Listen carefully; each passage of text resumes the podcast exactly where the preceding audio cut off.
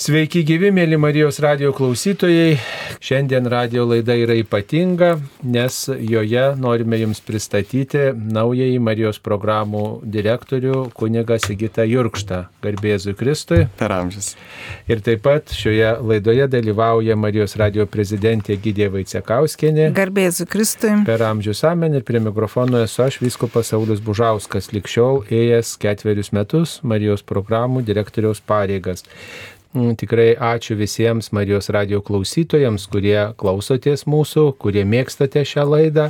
Ne visada tie klausimai galbūt yra, mm, na, kaip čia pasakyti, e, užduodami ir kartais juos reikia nuspėti, kokie čia būna atsiųsta trumposiomis žinutėmis.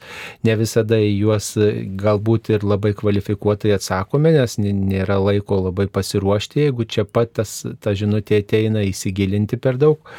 E, va, bet dėkojam, kad jūs domitės įvairiomis temomis, klausėte, dėkojame, kad jūs klausotės Marijos radijo, kad jums rūpi radijas ir kad jūs prisidedat prie Marijos radijo išlaikymo.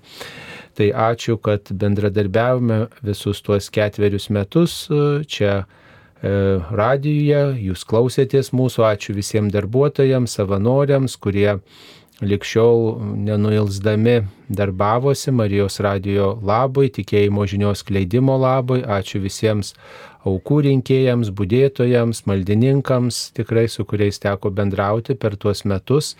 Tikrai džiaugiuosi, kad tiek sutikau tokių pasišventusių, rūpestingų, kantrių, darbščių žmonių, kuriems rūpi ir tikėjimas, ir bažnyčia, ir taip, kurie priima su džiaugsmu, kad per radiją gali sklisti tikėjimo žinia.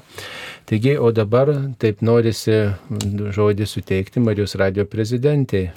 Mėly Marijos radio klausytojai, šiandieną iš tikrųjų yra mums e, ir džiugi, ir kartu tokia nostalgiška dien, e, laida, todėl kad, kaip ir minėjo mūsų programų direktorius, e, Vyskupas Saulis Bužauskas, kad jau ketverius metus darbavosi Marijos radijui, bet kaip žinome, vas, balandžio mėnesį buvo konsekruotas vyskupų ir pašauktas tarnystė eiti vyskupo pareigas. Tai mums ši diena yra tokia, kaip mes peržvelgiam kartu ir dėkojame už tuos ketverius metus dirbtus kartu.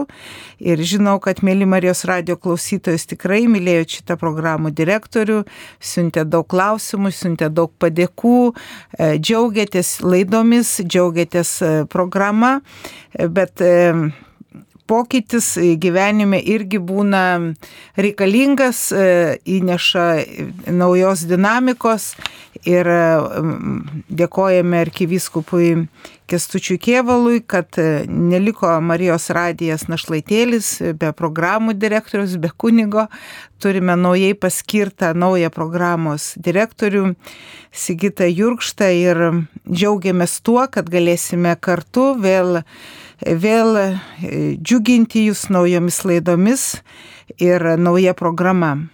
Taip, tai dabar taip pat skubame pristatyti kunigą Sigitą Jurkštą. Jis čia pateterėje tiesiog, kunigė Sigitai, kokia jūsų vizitinė kortelė, keletą žodžių tarkite apie save visai Lietuvai ir toli už jos ribų esantiems klausytojams, kurie mėgsta šią laidą ir dabar su nekantrumu nori išgirsti daugiau, sužinoti apie jūs. Na, e, prieš 41 metus gimiau Vilniuje. Mano mama yra kilusi Žemaitijos, Žemaitė. E, mano tėvas yra azerbaidžianietis. E, jisai ir dabar gyvena Azerbaidžiane. Ir mes, aš azerbaidžianiečių kalbos nemoku, mes su juo kalbam rusiškai, bet kartu bendraujam, palaikom ryšį. Ir kada buvau moksleivis, tai prisimenu labai mėgau įvairias irgi užklasinės veiklas, ten buvo tokia Lietuvos moksleivo asociacija, paskui lankiau muzikos mokyklą Žaliuko, e, grojau su akordeonu, su, su, su, su gitara, su pianinu šiek tiek, paskui e, įstojau į e, Mano tokia svajonė iš pat pradžio buvo stoti geografiją, nes aš dar tuo metu buvau netikintis ir aš tik 18 metų buvau pakrikštytas. Ir man kažkaip labai buvo įdomu va, tas, tas nuostabus pasaulis ir Bet mama prikalbėjo stoti ekonom, į, į verslo vadybą, nes man sekdavosi ekonomika, buvau laimėjęs ekonomikos olimpiadose ir įstojau verslo vadybą, bet paskui supratau, kad kaip tik tuo metu atvyko toksai lūžis mano gyvenime, kad iš pradžių mokykloje tikybos pamoka buvo tokia, nu kaip šalia visų pačių nesvarbiausių, neįdomiausių, ten atrodė, kad e, net mokytoja vis prisimindavo, e, mano tikybos mokytojas, vis kad aš sakydavau, nu kam ta tikyba reikalinga mokykloje. Ir, ir paskui kažkaip tai buvo, kad e, kažkas pasikeitė, kad pamačiau, kad tas bendravimas tikyboje yra kitoks. Mes su klasiokais ten, mūsų pagrindinis darbas buvo tyčiotis iš visų, iš visų išėlės praeivių ir nebuvo jokio nuoširdaus bendravimo klasėje, bet va, kada būdom su tikyba, tai atsirasdavo kažkoks toks dvasinis ryšys tarp mūsų, toks kažkoks va, Dievo meilės ryšys ir mane kažkaip palėtė ta tikyba ir, ir tie dalykai, kurie, pavyzdžiui, mokytojas vieną temą tokia mums dėstė, kaip, kaip Dievas gali padėti nugalėti savo baimės. Aš turėdavau labai labai daug baimių, pavyzdžiui, ten pamatydavau kažkur net savo draugus ir kažkokie baimė sukaustydavo, aš net prie savo draugų negalėdavau prieiti. Ir va, tokių visokių dalykų buvo gyvenime, iš ko paskui Dievas taip paėmė ir išlaisvino. Per tą ir įvyko va, toks atsivertimas, kad e, man tikybos pamoka pasidarė pati įdomiausia mokykloje ir kartu apsivertė tokios vertybės aukštinkojomis, kad e, kas buvo man gyvenime pirmoji vietoje, tapo paskutinė vieta, o kas buvo paskutinė vietoje, pasidarė pirmoji vietoje. Ir tada taip rašiau dar prisimenu tokį rašinį, kur lietuvių kalbos mokytoja buvo pažadėjusi dešimtuką už tai ir ten buvo, na, krikščioniška tema. Ir tas rašinys laimėjo konkursą ir aš tada pagalvojau, nu kaip čia dabar reiktų gal man ir pasikrikštyti, nes aš buvau nekrikštytas. ir, na, va, ir tada net eidavau į bažnyčią, kažkaip labai mane pradėjo traukti eiti kasdienį mišes, nors aš nesuprasdavau, kas ten vyksta, bet nu, toks būdavo iš vidaus traukimas ir e, Ir paskui, mat, 18 metų, 2000 metais pasikrikštėjau ir tą tikybos mokytoją paprašiau, kad jinai taptų mano krikšto mama.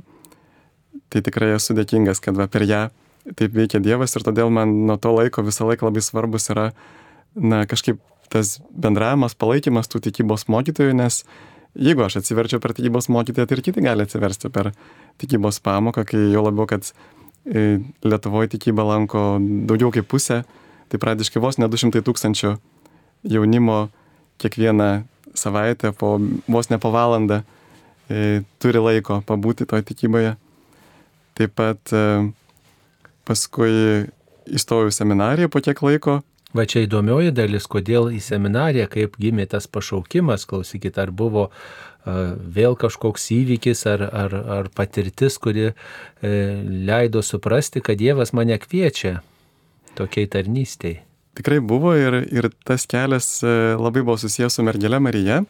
Aš prisimenu iš pradžių, kai buvau, buvo tikrai didelė dovana Vilniaus Matulaičio bažnyčioje, buvo labai labai gyvas jaunim, labai gyva jaunimo bendruomenė. Ten susirinkdavo kiekvieną šeštadienį keliasdešimt jaunų žmonių, mes gėdodom gesmes, kartu dalindavomės. Na, man buvo tokia labai, e, labai tikrai tokia patirtis, kad Dievas man veikia per bendruomenę, kad e, ateidamas į bendruomenę aš galiu ir, ir kitų dovanas pamatyti, ir savo dovanomis dalintis.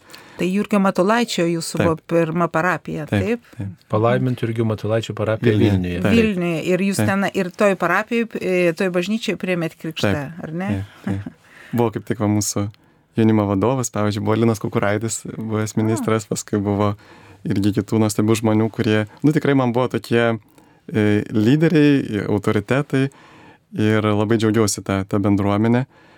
Ir paskui vis tiek aš taip galvau, kad e, net nelabai girdėdavau ir per pamokslus, tarp kitko, kad nu, nebūtinai toje bažnyčioje, bet apskritai, kad, e, nu, va, kad kažkaip reikėtų daugiau melstis. Gyvenime aš galvodavau, kad būti krikščionė tai užtenka ateiti mišes. Ir paskui atradau iš pradžių Livduko Manfortiečio tokią knygą apie tobulą pamaldumą mergeliai Marijai. Ir paskui, kada buvau Šilovos atlaiduose, man kažkaip tokia užkliuvo knyga, e, ten buvo Kestučio Trimoko knyga apie Medžiugorės pranešimus ir vienas iš tų pranešimų buvo, kad Dievas kiekvienam žmogui turi planą ir jį galima atrasti tik tai per maldą. Na ir aš tada pradėjau melstis ir tada kasdien prašydamas to Dievo plano.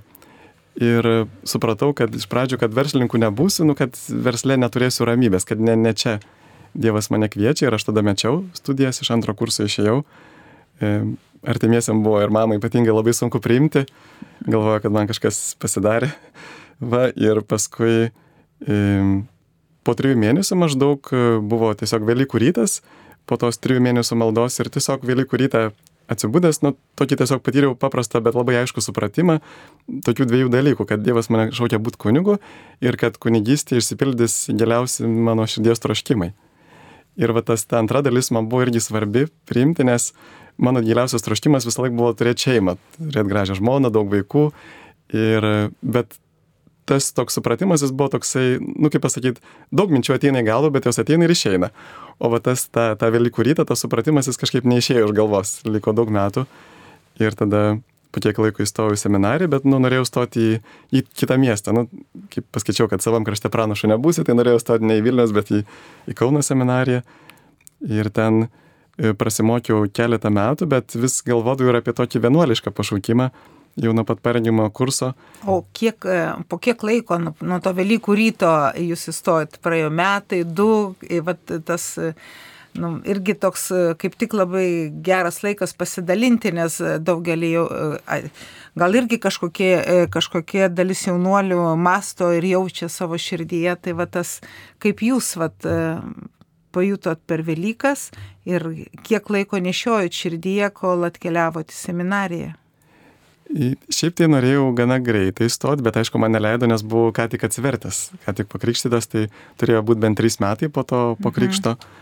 Tai aš dar kurį laiką taip, na, važinėdavau po visokias šventas vietas ir mama labai bijodavo, kad. Gazindavot tik... mamą, ar ne? Nes nes nesuprato, kas su jumis darosi. Metėt mokslus, jūs taip, universitete taip, taip. mokėtės. Taip, taip, Vilnius universitete. Me, metėt Vilnius universitetą ir pradėjote kažkur tai mamo žvilgsnė bastytis, valkiotis. Taip, taip, taip. Nu.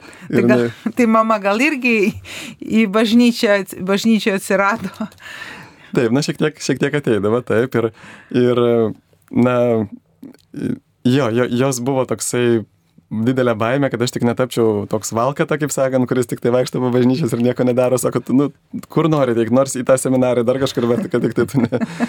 tai, bet aš vis tiek va, tos, tos metus tokius šiek tiek praleidau, nu, va, taip, gal netgi kartais ir kovodamas su artimaisiais, bet prieš tą tokį, nu, tos laisvės bandymas išsikovot, kad, kad bet, ne, nevaržytų to mano tikėjimo ir panašiai.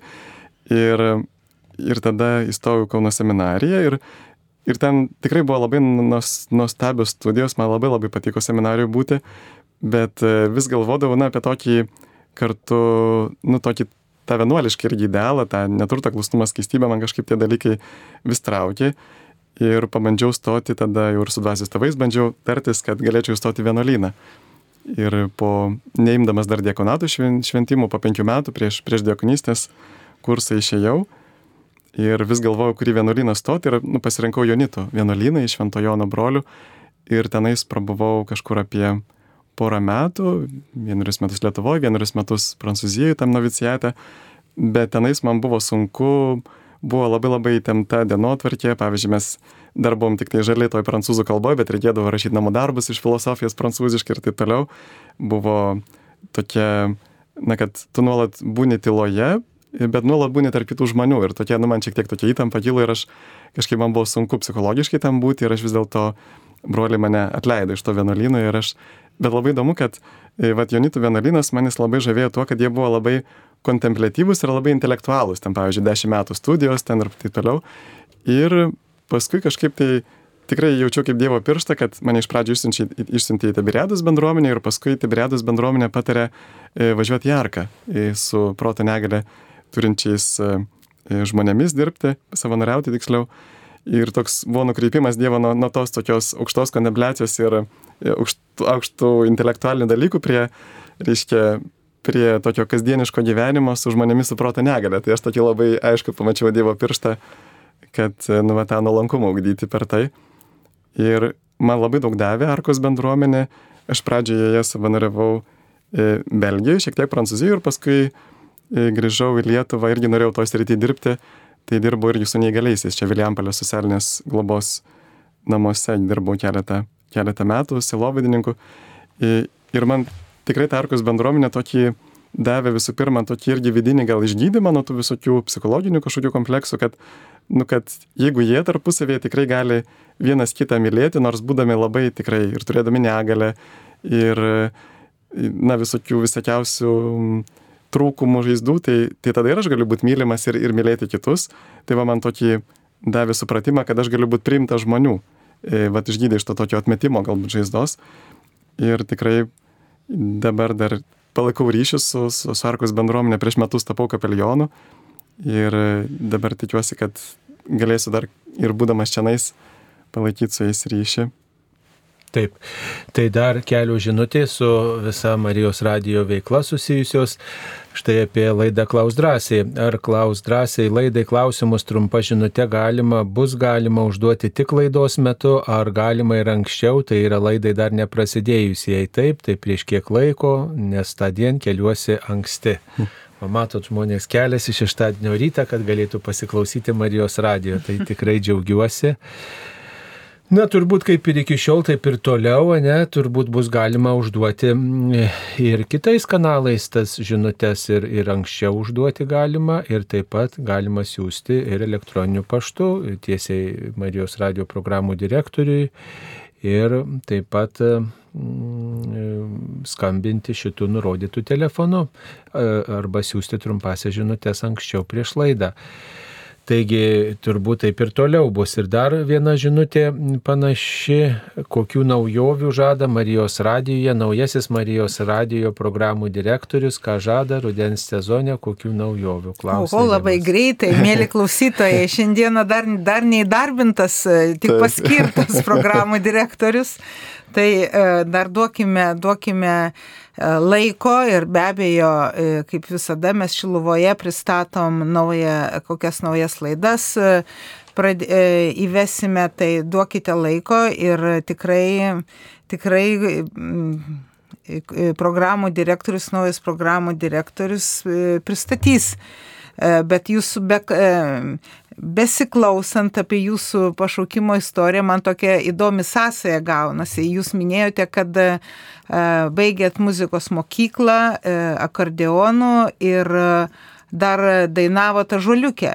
Taip. Tai man žinau tokia įdomi sąsaja, nu čia truputį, kad taip pat visi linksmiau pažiūrėtumėm, tai programų direktorių pas mus buvo e, ne vienas. Ir buvo, e, e, kuris turėjome, kur labai gerai grojo akordeonu, turėjome kitą, kuris labai gerai dainavo, turėjom dar vieną, kuris dirbo Arkos bendruomenėje, tai kunigas Saulis irgi, O jūs viskas viename ir grojate akordeonu ir dainuojate ir arkos bendruomeniai. Tai aš tikiuosi, tikrai galim nuraminti e, mūsų klausytojus, kad e, e, nes programų direktorius iš patirties galiu sakyti, kad daug ko gali priplanuoti, bet visą laiką mergelė Marija renkasi. Va, ir, Ir lygiai taip ir šiuo atveju mergelė Marija pasirinko jūs kunigė Sigitai ir, ir mes labai to džiaugiamės. Tai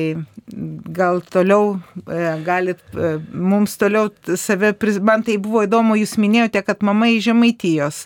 E, vat kaip tik prasideda Žemaičių kalvarijos atlaidai, šią, naktį adoraciją transliuosime. Iš kurios vietos jūsų mama yra? Na, maždaug iš mažiekių kažkur pusės. O, tai netoli ir Žemaičių kalvarijos. Taip, taip. Taip, dar vienas klausimas e, kunigui Sigitui apie Faustiną. Kokią reikšmę e, turėjo jūsų kelyje šventoji Faustina? E, aš sakyčiau, kad labai didelė, nu visų pirma, tuo, kad aš esu Vilnietis ir šventoji Faustina gyveno Vilniuje, tai dėl to jinai man labai brangi yra. Ir tas dienoraštis man kažkaip labiau irgi įsirėžė į atmintį negu visos kitos knygos skaitytos. Nežinau kodėl, bet tikrai gal aš kartais net ir, ir per daug paminiu tą šventą Faustiną, bet tiesiog man atrodo, kad e, tas dienoraštis tikrai yra labai svarbus ir ypatingai, pavyzdžiui, e, kur man gal didžioji kova gal gyvenime yra, ir, ir buvo ir seminarija, iš seminarijų neturėjau tokią pravardę brolių kaltintojas. Čia, aišku, ta, tas vardas minimas šetonai, tai aš tikiuosi, kad aš toks nebūsiu, bet, bet mane broliai taip, nu, šiek tiek pašiepdami pavadino, nes, e, nu, man kažkaip irgi, vat, po atsivertimo labai pamatai tokio, nu, kad tarsi tai, kas e, kad krikščionis negyvena pagal Evangeliją taip jau labai karštai. Ir tada ateina, tada prisistato piktoji dvasia ir jinai ragina teisti kitus. Ir man tai buvo tikrai labai toksai įkyri pagunda, labai daug metų ir dabar tebėra kitus teisti. Ir, ir kažkaip man ta didžioji kova, kad šventoji Faustina kaip tik jinai buvo Dievo gailestingumo apaštalė. Man irgi yra kaip ir mėgstama šventoji, bet, bet tarsi savo gyvenimo priešingai mhm. E, vis pa, paliudydavau kartais. Kartais kokį žodį leptelni ir paskui žmonės ten dešimt metų prisimena ir, ir panašiai. Tai, Tai man toksai, jinai gal buvo tokia mokytoja, kaip neteisti kitų, nes man tai, tai labai sunku. Ir kartu, va, man, pavyzdžiui, buvo irgi labai jos e, mokymas apie klusnumą bažnyčiai irgi labai labai įdomus, nes e, turbūt ir, ir, ir šiais laikais mes irgi kartais matome, bet ir, ir pavyzdžiui, Švento Pranciškaus laikais taip, kad matom kartais krizę bažnyčioje, krizę kunigystėje. Ir Šventas Pranciškus, iš pavyzdžiui, eidavo iš pažinties pas patį blogiausią kunigą, pas e, ten kokį nors visišką alkoholiką, nes sakydavo, aš tikiu, kad čia Dievas per jį atleidžia. Tai va, tai, tai taip, tikrai Šventoji Faustina man yra labai svarbi. Ir Šventoji Faustina iš tikrųjų tas, e, kaip jūs ir dalinatės, va, tas teisimas, kaltinimas, tai jisai galbūt yra um, pas mus e, kiekvieną ir, ir tas pirmiausiai galbūt per mūsų tą puikybinę. Mm tą puikybinį žvilgsnį ar tokį savimilos, bet iš tikrųjų, vat, kaip jūs dalinatės Faustina, tai Faust, man labai Faustinos malda yra ta stipri, kurią mes ir Marijos radijoje e, melžiamės trečią valandą, e, kur prašome, kad Dieve padėk būti gailestingam, ar ne, kad apdovanok tuo gailestingumu. Ir iš tikrųjų, va, jeigu e, lygiai taip pat noriu va, pasidalinti ir su jumis, mėly Marijos radio klausytojai, ar čia su, su e, programų direktoriais, kad E, man irgi tas malda, jinai, jeigu tu į ją kiekvieną žodį taip įsikabini, tikrai atrodo valo širdį, valo širdį ir padeda, e, padeda pripildo to tokio gailestingumo, nes e, aplinkui šiuo metu labai daug visokio triukšmo ir išoriai daug triukšmo ir, ir bažnyčia išgyvena ir, tą tokią krizę, pašaukimų krizę ir įvairiausių įvykių krizę. Ir e, būtent tas Faustinos ir Faustinos dienoraštyje e, tas minimumas, tas išbuvimas ir klusnumas ir pasitikėjimas Dievu, kad vis dėlto Jėzus veda bažnyčią, o mes turime e, mokintis, mokintis to gailestingumo, kur, kuris e, tikrai valo širdį, bet jinai labai greitai vėl pasidaro kritiška. Tai, tai toks tik pasidalinimas. Taip, tai e, ačiū, kad e, jūs, e, taip sakant, mielas kunigės įgytai pasakojate apie save, tai čia bus progų daugiau sužinoti apie jūsų gyvenimo istoriją ir apie jūsų tikėjimo kelią. O dabar dar viena tokia žinutė čia atsiunti klausytojas apie pasninką, turbūt siks nusikio tokie klausimai kartojasi, klaus drąsiai laidoj, bet turbūt yra gerai mm, iš naujo vis prisiminti, kas turėtų pasninkauti. Ir štai toks klausimas, ar reikia laikytis pasninko po 60 metų ir esant antros grupės invalidui. Tai turiu štai prieš akis Lietuvos viskupų konferencijos instrukcija dėl atgailos ir pasninkų dienų, kuri išleista 2006 metais. Ir tą instrukciją galima rasti Lietuvos viskupų konferencijos internetinėme puslapyje. Taigi E, pasninko įstatymas e, saisto žmonės, kurie yra nuo 18 iki 60 metų. Ir tai reiškia, kad leidžiama pagal šį dokumentą valgyti sočiai kartą per dieną, o kitus kartus lengvai užkasti. Ir taip pat tas valgymas, tai reiškia susilaikant nuo mėsiškų patiekalų, valgant taip truputį užvalgant sočiau ne, ne, nepersivalgant, reiškia tiek, kiek reikia žmogui, bet sočiai, bet nepersivalgant. Tai štai tas valgymo, valgymo įstatymas, jisai reiškia, kad žmogus savo poreikį maitintis apriboja ir jis tada galvoja apie kitokį maistą labiau. Žinoma, yra tokia vyresnių žmonių tradicija pasninkauti ir, ir atsisakyti mėsos ir mažiau galbūt valgyti, net ir vyresniems žmonėms, jie gal net ir labiau tą jaučia, nes artinasi tas susitikimo su Dievu momentas ir žmonės labiau tam ruošiasi, labiau išgyvena ir atgailą ir labiau išgyvena tikėjimo tą dovaną. Tai čia toks paradoksas vidutinio amžiaus žmonės, kurie, e, kuriems tas įstatymas, pasninko įstatymas skirtas, nelabai į tą gal kreipia nekreipia dėmesio, o vyresni, kurie galbūt jau nuo to įstatymo galėtų būti ir atleisti pagal vat, viskupų konferencijos instrukciją, tai jie kaip tik kartais jaučia didesnę, didesnę pareigą laikytis ir, ir tą tradiciją tęsia. Tai čia reikėtų labai ne tik tai apie maistą galvoti, bet ir apie televizijos žiūrėjimą ir apie galbūt tokį laiko leidimą, nes pasninko formų yra įvairių. Gali būti ir žvilgsnio pasninkas, ir žodžio pasninkas, ir, ir maisto, ir saldumynų pasninkas, ir, ir kenksmingų įpročių pasninkas, ir kavos negėrimo pasninkas. Tai čia reikia labai žiūrėti kūrybingai ir e, ne tai, kad jau aš galiu, tai tada darau, ką noriu. Tai taip nėra vis dėlto. Čia bažnyčia atsižvelgia į žmogaus sveikatą ir žmogaus galimybės, bet e, reikia taip pat pagalvoti, ką galiu dar dėl Dievo padaryti, didesniai Dievo garbiai. Taip, jeigu sveikata prasta yra, žmogus, kaip prašo, yra invalidas, invalidas, žmogus su negale, solidus amžius jau garbingesnis toks, tai, tai gal ta taisyklė nesilaikyti pasninko leidžia, bet ar tikrai jau aš visiškas toks silpnas žmogus ir jau tikrai galiu valgyti, ką noriu ir man niekas čia, kaip sako, nieko nepasakys. Ar tikrai Dievas vat, kažkokio pasiaukojimo nelauktų iš manęs, tokio solidarumo, galbūt vat, kažko mažo atsisakyti, ne, solidarumą su tais tokojančiais išgyventi ir kartu savo valią augdyti dar, nes ir vyresniam žmogui nuodėmių vairiausių pasitaiko, galbūt vienoje srityje save pribodamas, aš sustiprėsiu, valią stiprinsiu ir, ir, ir, ir pagundų srityje, kitoje srityje, aš atsisakysiu pagundos. Kunigė Sigitai, gal dar pridėsit ką prie šitos minties? Taip, ir dar galima būtų pridėti, kad e, malda pasninkas išmalda yra tie trys tokie atgailos darbai, kurie mums padeda atsiversti ir kasdien reikia atsiversti. Ir malda tai yra atsivertimas santykė su Dievu, pasninkas atsivertimas santykė su savimi ir išmalda atsivertimas santykė su artimu. Ir bažnyčios tėvai sakydavo, kad tie trys dalykai labai susiję. Na pavyzdžiui, kad jeigu aš pasninkauju, tai reiškia, aš turiu daugiau laiko maldai ir daugiau pinigų išmaldai. Tai vat, labai svarbu susijęs tris dalykus irgi. Bet e, kai jeigu žmogus dirba e, ir, vat, ką ir minėjo Vyskupas Saulis, kad įdomus paradoksas, kad vyresnio amžiaus žmonės daugiau laikosi pasniko negu tie, kuriems priklausytų. Tai aš manau, čia irgi yra įtakos tokio pasaulinio to mąstymo, kad jeigu aš pasnikausiu, tai aš turėsiu mažiau energijos, aš mažiau padarysiu, mano yra ten atsakomybės. E, bet e, lygiai taip pat ir Evangelijoje ir Jėzaus yra minimas pasnikas. Šitas blogis išvaromas pasnikų ir malda yra toks sakinys, tai turbūt mums irgi palieka tokį stiprų žinojimą, kad pasnikas yra labai stiprus ginklas tai vidiniai kovai, o apsispręsti pasnikauti tai nu, nėra, nėra lengvas dalykas.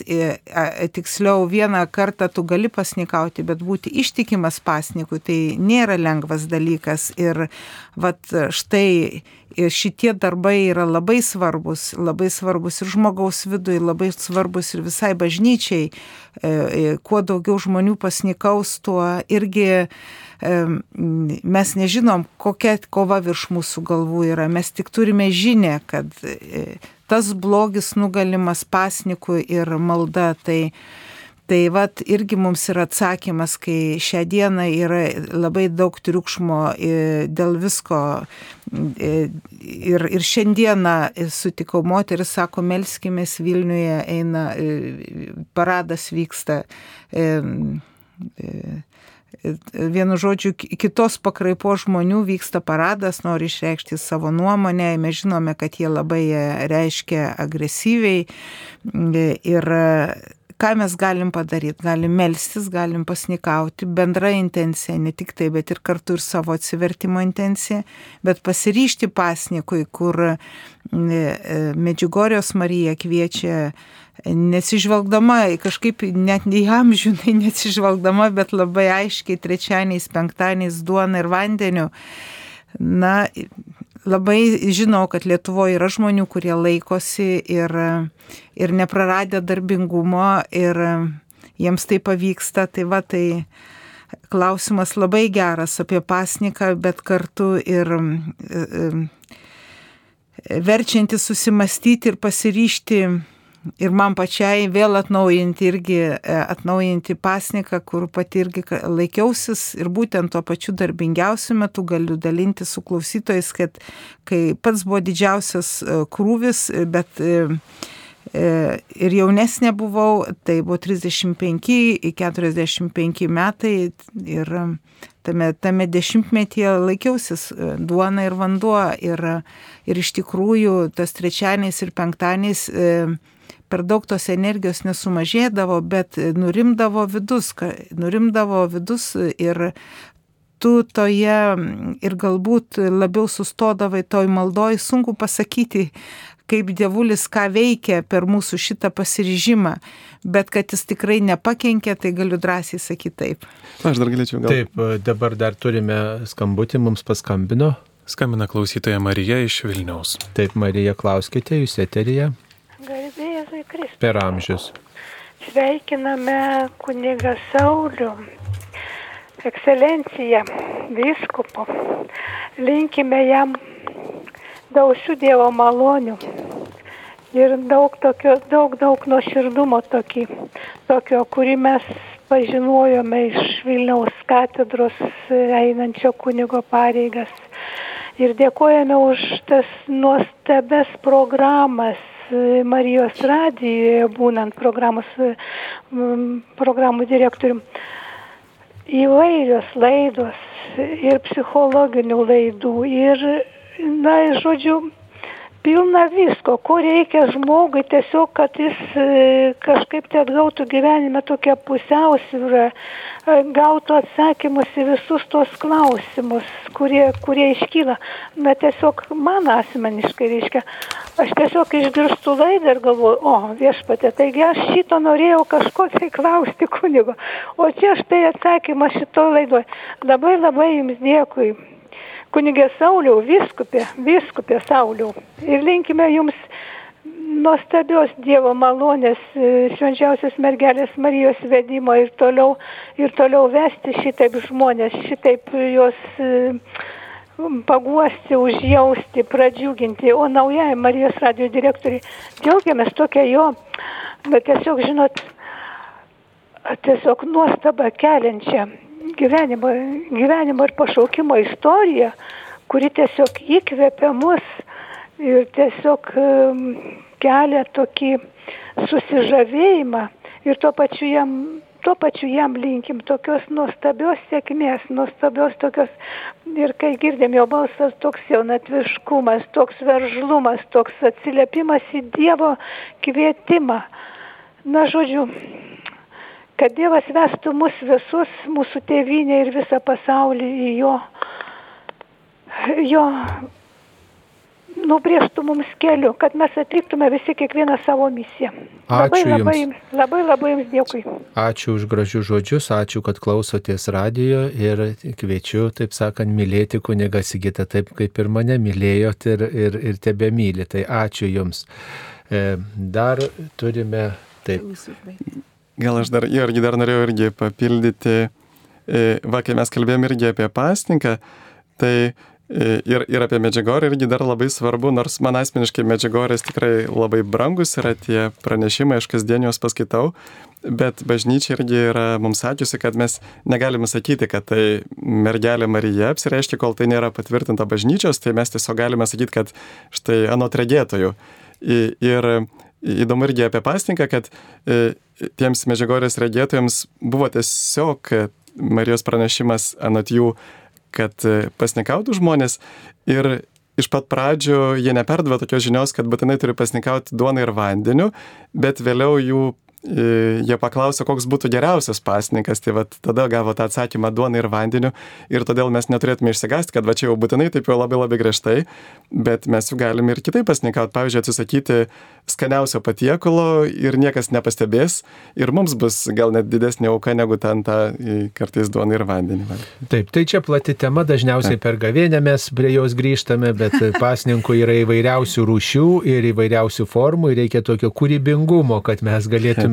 Ekscelencija tai, minkština per gavėnę, tik tai grįžtame ne, tai, adventą. Dažniausiai visiems priimtina. Kiekvieną savaitę, ekscelencija, kiekvieną taip, savaitę. Taip, kiekvieną penktadienį bent jau. Pirmieji krikščionys, jie ir basnikaudavo trečiadieniais ir penktadieniais. Taip, tai trečiadienis pirmųjų... Jėzaus išdavystės diena, taip. penktadienį Jėzaus mirties diena, bet matai, mais, į maistą suvesti yra labai pavojinga, reikia surasti ir kitų pasninkų formų ir kitas taip. dalykas, kad lydėti malda kad ne, nebūtų puikybės tokios pagundos ir taip pat dar pridėti tokį, mm, kaip čia pasakyti, troškimą vis dėlto e, atsigręžti į artimą, reiškia, nes tai, ką sutaupom, vis tiek skirta turėtų būti artimui, didesniai Dievo garbė, kad nu, ne, nebūtų tas pasninkas savitikslis. Bet, na, gal ir prie kitų temų keliaukime. Mums dar neskambino dabar niekas gerai, galite ir skambinti, ir siūsti trumpasią žinutės, už tai viena tokia žinutė E, nu, tokia labai vėl skaudi, bet jeigu uždavė tokį klausimą, da, reikėtų gal apsvarstyti, kodėl kunigai vienas kitą vadina broliais, o nusidėjėlį kolegą kunigą pašalina iš savo tarpo laukų. Na va, toks klausimas. Tikrai mes broliai esame net ir su nusidėjusiais kolegomis, nes ir patys esam didesni ar mažesni nusidėjėliai, visi esam nusidėję, bet matot, yra kanonų teisė, kuri mus visus saisto ir jeigu ten yra pagal kanonų teisę kažkoks yra, na, kaip sakant, pažeidimas, tai ta kanonų teisė numato, kokie mūsų tie santykiai ir, ir kaip toliau gyvensim. Tai tiesiog laikomės taisyklių, bet tas žmogus net ir pašalintas iš e, kunigų tarpo, ne, arba palikęs tarnystę kunigo, jis vis tiek lieka broliu, ne, jis vis tiek lieka broliu ir, ir, ir tiesiog su juo ir bendraujame, tik tai žinoma būna, būna tokie gal atitolimai aišku, daugiau to vienišumo, čia yra tokia jautri tema, bet jis vis tiek lieka e, mūsų visuomenės, mūsų bendruomenės nariu, kad ir nedalyvauja taip gyvenime kaip iki tol. Taip, ir čia yra pirmame laiške korintiečiams parašyta penktame skyriuje, kad e, e, ar ir jūs nesavosius teisite, svetimuosius teis Dievas, pašalinkite piktadarį iš savo pačių tarpo tai yra šventa, švento rašto eilutė ir tai yra pacitavimas iš pakartoto įstatymo knygos. Taip, tai tikrai verčiantis susimastyti klausimas, kaip mes bendraujam ir elgiamės su tais, kurie vis dėlto padarė vieną ar kitą nuodėmę, papiktinimą, skriaudą. E, taip jis nenustoja buvęs Dievo vaiku, tas žmogus ir tikrai, kad mes neskubėtume teisti, galbūt įvertintume elgesį kito žmogaus, bet nenurašytume žmogaus kaip tokio, kuris irgi yra, kaip sakant, Kristaus sekėjas, kad ir suklupęs, bet ir už jį viešpats mirė. E, taigi, laukiame jūsų žinučių ir skambučių, e, o dabar galbūt tarkime keletą žodžių apie Marijos radijo gyvavimą. E, Marijos radijas gyvoja jau tikrai nuo 2004 metų Lietuvoje. Ačiū Dievui, dabar vad kunigui Sigitui teks darbuotis naujose Marijos radijo patalpose tikrai ir naujose studijose, naujame kabinete ir dėkojam Jums, mėly Marijos radio klausytojai, kad pastatėte Marijos radio pastatą, kad e, veikia aparatūra, kad e, štai galime darbuotis ir Jūs visus kviečiame, progai pasitaikius, aplankyti Marijos radio Kaune, apžiūrėti mūsų koplyčią, sukalbėti maldą, savo intenciją, taip pat už Marijos radio intenciją, e, pasimelsti mūsų labai šviesioj koplyčioj Kaune, Vilniaus gatvėje 5 Tai maloniai kviečiame visus ir taip pat apžiūrėti mūsų, mūsų Marijos radio pastatą, kas dar nesate matę, nes daugybė žmonių jau yra apsilankę, bet e, tikrai dar daug kas turbūt tikrai nebuvote, tai maloniai kviečiame. Ir jų Marijos radijas išsilaiko tik tai jūsų aukų dėka, tai tikrai nuoširdžiai dėkojam visiems, kurie ir toliau savo aukomis prisidedate, kad Marijos radijas gyvuotų ir labai kviečiame savo dosnumo nestabdyti nes tai irgi yra būdas ne tik tai radiją išlaikyti, bet išlaikyti, kad tikėjimo žinia apskritą parą būtų skelbiama per Marijos radiją arba būtų transliuojama krikščioniška muzika, kuri ir, ir taip pat kreipia žmogaus širdį, mintis prie Dievo. Tai tikrai, žinot, ne tik tai čia kažką išlaikote, bet ir tikėjimo žinę skelbėte arba prisidedat, kad ji būtų vienaip ar kitaip skelbiama. Ir čia nu, evangelizacinis darbas, tai tikrai jūsų auka, jūsų parama na, labai reikalinga ir toliau Marijos radijui. Tikrai, kad ir nenustotume toliau pagal galimybės rėmę, įsipareigoję e, išlaikyti Marijos radiją, nes Marijos radijas neusima jokia komercinė veikla, mes kaip ir kitos Marijos radijos stotys visame pasaulyje gyvenam tik iš mūsų klausytojų, iš mūsų tikinčiųjų, iš mūsų geros valios žmonių aukų. Jeigu e, reikia, tai ir, ir gyvoja radijas, jeigu žmonėms tas, žmonės mato prasme, o e, kaip suprantame, daugelis žmonių mato prasme, daugeliu tai yra viltie žinia, pagodo žinia Marijos radijo gyvavimas, tai ir toliau prisidėkite, kas galėdami ir kaip galėdami. Ir taip, mėly Marijos radio klausytojai, tikrai pirmiausiai norime džiaugtis, kad e, jau 19 metų, kai mes esame girdimi, jūs girdite e, Marijos radiją, girdite laidas, girdite maldas, dėkojame už jūsų aukas, nes e, nuo pat pradžių, nuo pradžių, pačio pradžios įsikūrimo, tai nuo pradžios įsikūrimo Lietuvoje Marijos radio, tai didelė pagalba e, buvo Italijos katalikų e, surinkta auka Lietuvai ir paukoti pinigai e, ir dideli pinigai, kad radijas galėtų gyvuoti jų išlaikomas daugiau negu metus laiko.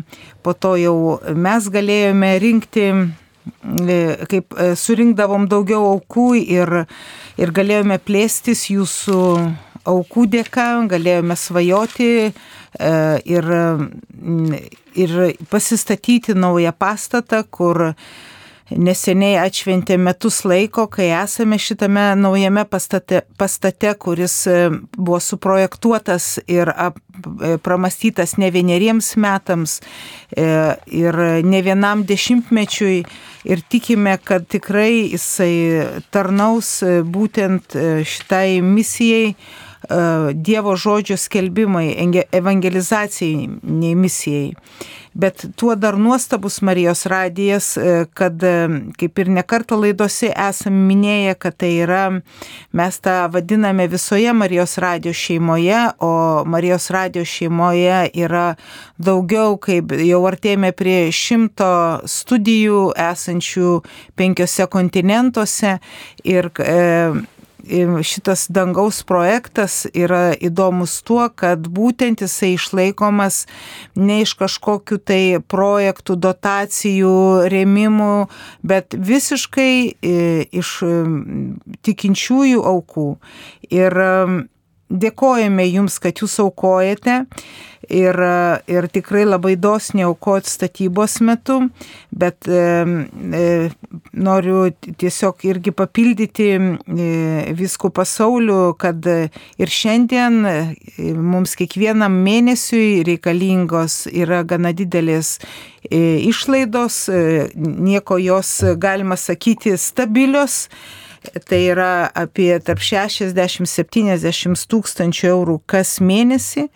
Ir tai sudaro e, e, palidovinės ir bokštų nuoma, aptarnavimas, kur palidovinės antenos, kur, kurias mes e, turime nuomotis, nuomojamės iš valstybės. Ir tai gana didelė pinigų suma, galima sakyti, pusė sąnaudų tai yra šita visa nuoma kartu su ryšio interneto paslaugomis. Toliau yra darbo užmokesčio sąnaudos ir vis, visa kita, e, tiek patalpų išlaikymas, tiek transporto sąnaudos, transporto mes neturime, mes nuomojam transportą, tai jos nėra, nėra didelės ir nėra ženklios, bet e, bet kiekvieną mėnesį mums reikia surinkti tą solidžią sumą ir dėkojame jums, mėlyjeji, kad jūs aukojate ir esate dosnus, bet raginam ne, nesustoti, kadangi galbūt galvojimas yra, kad nu va pastatėm pastatėm naują studiją ir galbūt savaime jinai E, galės gyvuoti, nu ne, e, vis tiek kas mėnesį pastoviai e, reikalinga apmokėti sąskaitas. Ir tikrai labai kviečiam dabar Žemaičių kalvarijoje bus mūsų aukų rinkėjai, bus Jurgio Matulaičio atlaiduose, kiekvieną mes skelbėme kiekvieną sekmadienį būna kitose įvairiose bažnyčiose raginam, e, susitikit su mūsų savanoriais ir pagalvokit, kiek galėtumėt prisidėti prie radijų išlaikymo, nes e, yra taip pat ir e, trumpas telefono numeris, kur galima rasti mūsų puslapyje. 1622 šitas numeris ir jo paskambinę galite paukoti 5 eurus, o paskambinę 1623 galite paukoti 10 eurų. Ir taip pat galite atnešti auką į Marijos radio būstinę Vilniuje ir Kaune. Ir aišku, per tuos aukų rinkėjus, kurie, kurie renka aukas bažnyčiose, per įvairias šventes, per atlaidus, tiesiog jie turi Marijos radio atributiką, e, galima juos atpažinti iš skiriamųjų ženklų, iš E, tiesiog plakatų, vėliavėlių, tai tikrai tokį būdą galima pasirinkti ir taip pat, ypač tie, kurie esate užsienyje, galite e, pasinaudoti PayPal e, šitą sistemą ir iš užsienio pervesti auką Marijos radijui arba pasinaudoti sąskaitą, kurią galite rasti Marijos radijo internetinėme puslapyje marijosradijas.lt. Tai tikrai tie aukojimo būdai yra yra prieinami visiems ir, ir tikrai jais pasinaudokite. Labai ačiū už kiekvieną iš jūsų meldžiamės, kiekvieną aukotoją prisimenam šventose mišiuose Marijos radijo koplyčioje, čia Kaune, taip pat jūs visus prisimenam ir dėkojam už jūs, kurie aukojate, dirbate, savanoriaujate, kai Marijos radio programų direktorius aukoja šventasias mišes Šiluvoje kiekvieno mėnesio 13 dieną, tai dabar šita pareiga iškilmingai perve, perdodama kunigui Sigitui Jurkštui.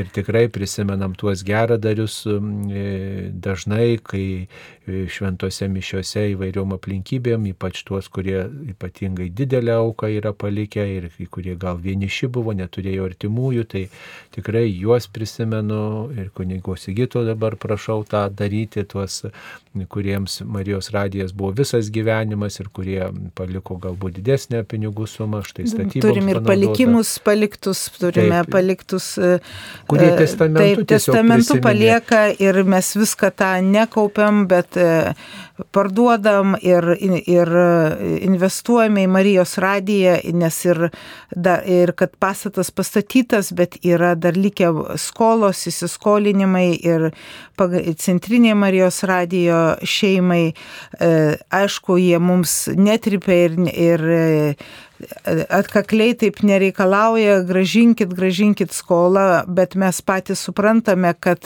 pasauliniai Marijos radio šeimoje irgi yra dideli uždaviniai tiek ir Afrikoje, tiek ir Pietų Amerikoje, kur tikrai reikia plėstis Marijos radijai ir kad kuo daugiau žmonių išgirstų Dievo žodžio žinę, tai, tai, ką turime ir mes, kur ne vienas klausytojas paskambina ir dėkoja, kad, kad yra toks radijas, kad jis pradeda rytą ir užbaigia vakarą, kad tai yra e, e, labai jam svarbu. Girdėjau irgi ne vieno, e, ne vieno sutikto žmogaus e, pasidalinimą, kad va, tėvai ypatingai klauso radiją. Tai vad, mėlyjeji, kurių tėvai klauso radijas, o jūs esate pilni kupini jėgų ir darbingi, taip pat prisidėkite prie Marijos radijo išlaikymo, nes reikalinga jūsų pagalba ir tikrai e, nėra taip, kad e, pastačius naują pastatą mums sumažėtų sąskaitos ar sumažėtų e, nuoma už visas palidovinės antenas, kur, kurias mes naudojame savo, e, nu, kurios yra reikalingos e, transliacijai. Ir aišku, ir aišku, galit prisidėti ir savo narystę, nes tikrai tas darbas šiais laikais yra darbas daug brangesnis už tą vieną kitą eurą, kurį gali pa paukoti. Kartais kai kurių žmonių darbo valanda kainuoja gana daug, ypatingai specialistų ar, ar pavyzdžiui, kokį nors įgarsintojų, kurie turi gerą balsą. Va, pavyzdžiui, tai tikrai galėtumėt savanoriauti ir tokiu būdu irgi sumažinti mūsų išlaidas. Taip ir labai dėkojame ir, ir šią dieną mes turime tikrai didelį būrį savanorių, kur, kurie dovanoja savo laiką ir e, savanorystėje e, ir tikrai e, antrinu kunigui Sigitui, kad mielai kviečiame ir mielai laukiame e, ir priemam kiekvieną, kuris e, pasiruošę skirti laiko savanorystėje ir, ir dar kartą ir primenam, kad laidos mūsų laidų vedėjai irgi yra savanoriai. Ir katechezės e, kunigų didžiausias būrys irgi e, įgarsina, kurias mes transliuojame, tai irgi visur yra savanorystė niekur nėra, kad mes e, kažkokius e, turėtumėm atsiskaitimus ar mokėjimus už visą tai, ką jūs girdite per eterį. Tai yra e, labai daug savanorių dirba, labai daug žmonių stengiasi, kad būtų eteris užimtas 24 valandas ir, ir šią naktį transliuosime naktinę adoraciją Žemaičių kalvarijos, kur irgi e, žmonės renkasi, masto, galvoja, kaip, kaip kad būtų graži transliacija, kad būtų gražios giesmės, kad būtų gražus mąstymai. E, taip pat Liepos mėnesį neužilgo turėsim gailestingumo šventovėje, kur galim tik į priekį sakyti, kad e, kadangi, kaip žinoma, Vilniuje vyks svarbus NATO susirinkimas e, ir įprasta adoracija iš 11-12 neįvyks, nes tą dieną iš vis bus uždarytas eismas toje vietoje, kur yra gailestingumo šventovė, bet pirmą mėnesio penktadienį, tai yra sekantį penktadienį, iš penktadienį šeštadienį adoracija vyks ir mes ją transliuosime. Taip, dar vienas klausimas toks atėjo žinutėje. Dėkojame, kad esate. Kilo klausimas, metu, kur šiuo metu ir kokias pareigas eina buvęs programų direktorius kunigas Ginteras Blužas. Tai e, kunigas Ginteras yra Vilniaus Švento Juozapo kunigų seminarijos dvasios tėvas, tai yra išleistas iš Kauno arkiviskupijos darbuotis e, Vilniuje ir ten per visus mokslo metus darbuojasi. Vasarą truputį yra kitas jo ritmas, važiuoja į atlaidus ir turi šiek tiek atostogų, dalyvauja rekolekcijose, tai štai toks jo yra kelias. Tai ačiū visiems pirmtakams, kurie prieš mus čia darbavosi, kunigui Oskarui Volskiui, kunigui Kestučiu Kėvalui, kunigui Gintarui Blužui, taip pat kunigui Povilui Narijauskui ir taip pat kunigui Sigitui Jurkštui. Kunigui Sauliui Fužauskui, viskupui. Tai Turime matas... du vis, va žinote, mėly Marijos radio klausytojai, galim taip truputį ir, ir džiaugsmingai pasidžiaugti ir dėkoti už vis dėlto ir jūsų maldas ir didelį indėlį į tai, kad iš Marijos radio mes turime du viskupus, vienas yra arkiviskupas Kestutis Kėvalas, kuris dirbo pas mus programų direktorium, dabar yra e, viskupas Saulis Bužauskas, tai esame lyderiai visoje Marijos radijos šeimoje. E, yra e, vienoje radijos stotyje, kur viskupas yra programų direktorius. Tai jūs, kaip mes buvom Milanė, jūs susipažinot su juo, jisai ir Sirijos radijai aptarnauja, ir Armenijos. Tai, tai, tai vat mes kar, ir, irgi juokavome, sakome, gal ekscelencija, ir jūs taip pat čia būsite viskup, bet ne, kažkaip nelabai sutikote. Nu tai dėkui Dievui, ateina jaunas, energingas kunigas, klausykite, kuris turi daug idėjų ir tikrai dabar jau užduotis kitą savaitę taip, taip. susipažinti, jau pamažu tas vyksta procesas, susipažinti su esamom struktūrom, idėjom, viską perduodame, e, papasakoju, kas čia vyksta ir, ir, ir kaip Visas čia darbuojasi darbuojasi visas paslaptis, principus ir tikrai pirmą užduotį susipažinti, kai kurias pasiūlymus e, pasakiau ir pasakysiu dar kažką, o, o, o kokios naujovės bus, tai yra štai vasaros laikotarpis ir yra proga apmastyti.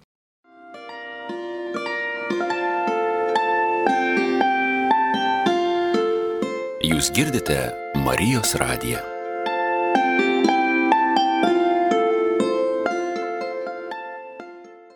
Taigi, mėly Marijos radio klausytojai, džiaugiamės, kad klausotės mūsų. Ši laida tokia išskirtinė, joje dalyvauja naujasis e, e, radio, Marijos radio programų direktorius kunigas Sigitas Jurkštas, taip pat Marijos radio prezidentė Gidė Vaicekauskenė ir aš, Vyskupas Saulis Bužauskas. E, na va, tai kunigė Sigitai, štai tokia, toks klausimas jums Kaip vertinate ignacišką dvasingumą, klausė savanorė Daiva. Man atrodo, kad e, šventoji dvasiai dalina labai labai daug dovanų ir mes ten žinom tik tai kelias tos šventosios dvasios dovanas, bet jų tikrai yra nesuskaičiuojamai daug ir yra gražu, kai bažnyčia yra įvairios charizmos dovanos. Man asmeniškai ignaciškas dvasingumas labai patinka va toje srityje, ieškant Dievo valios, va, tas e, atskirimas, dvasių skirimas e, ir apskritai na, malda su šventuoju raštu, tai manau, tai yra tikrai labai labai vertingi dalykai ir, ir tikrai džiaugiamės, kad jezuitai juos mums padeda geriau pažinti, geriau atrasti. Taip, tai tikrai ignaciško dvasingumo žinia sklinda ir per Marijos radiją.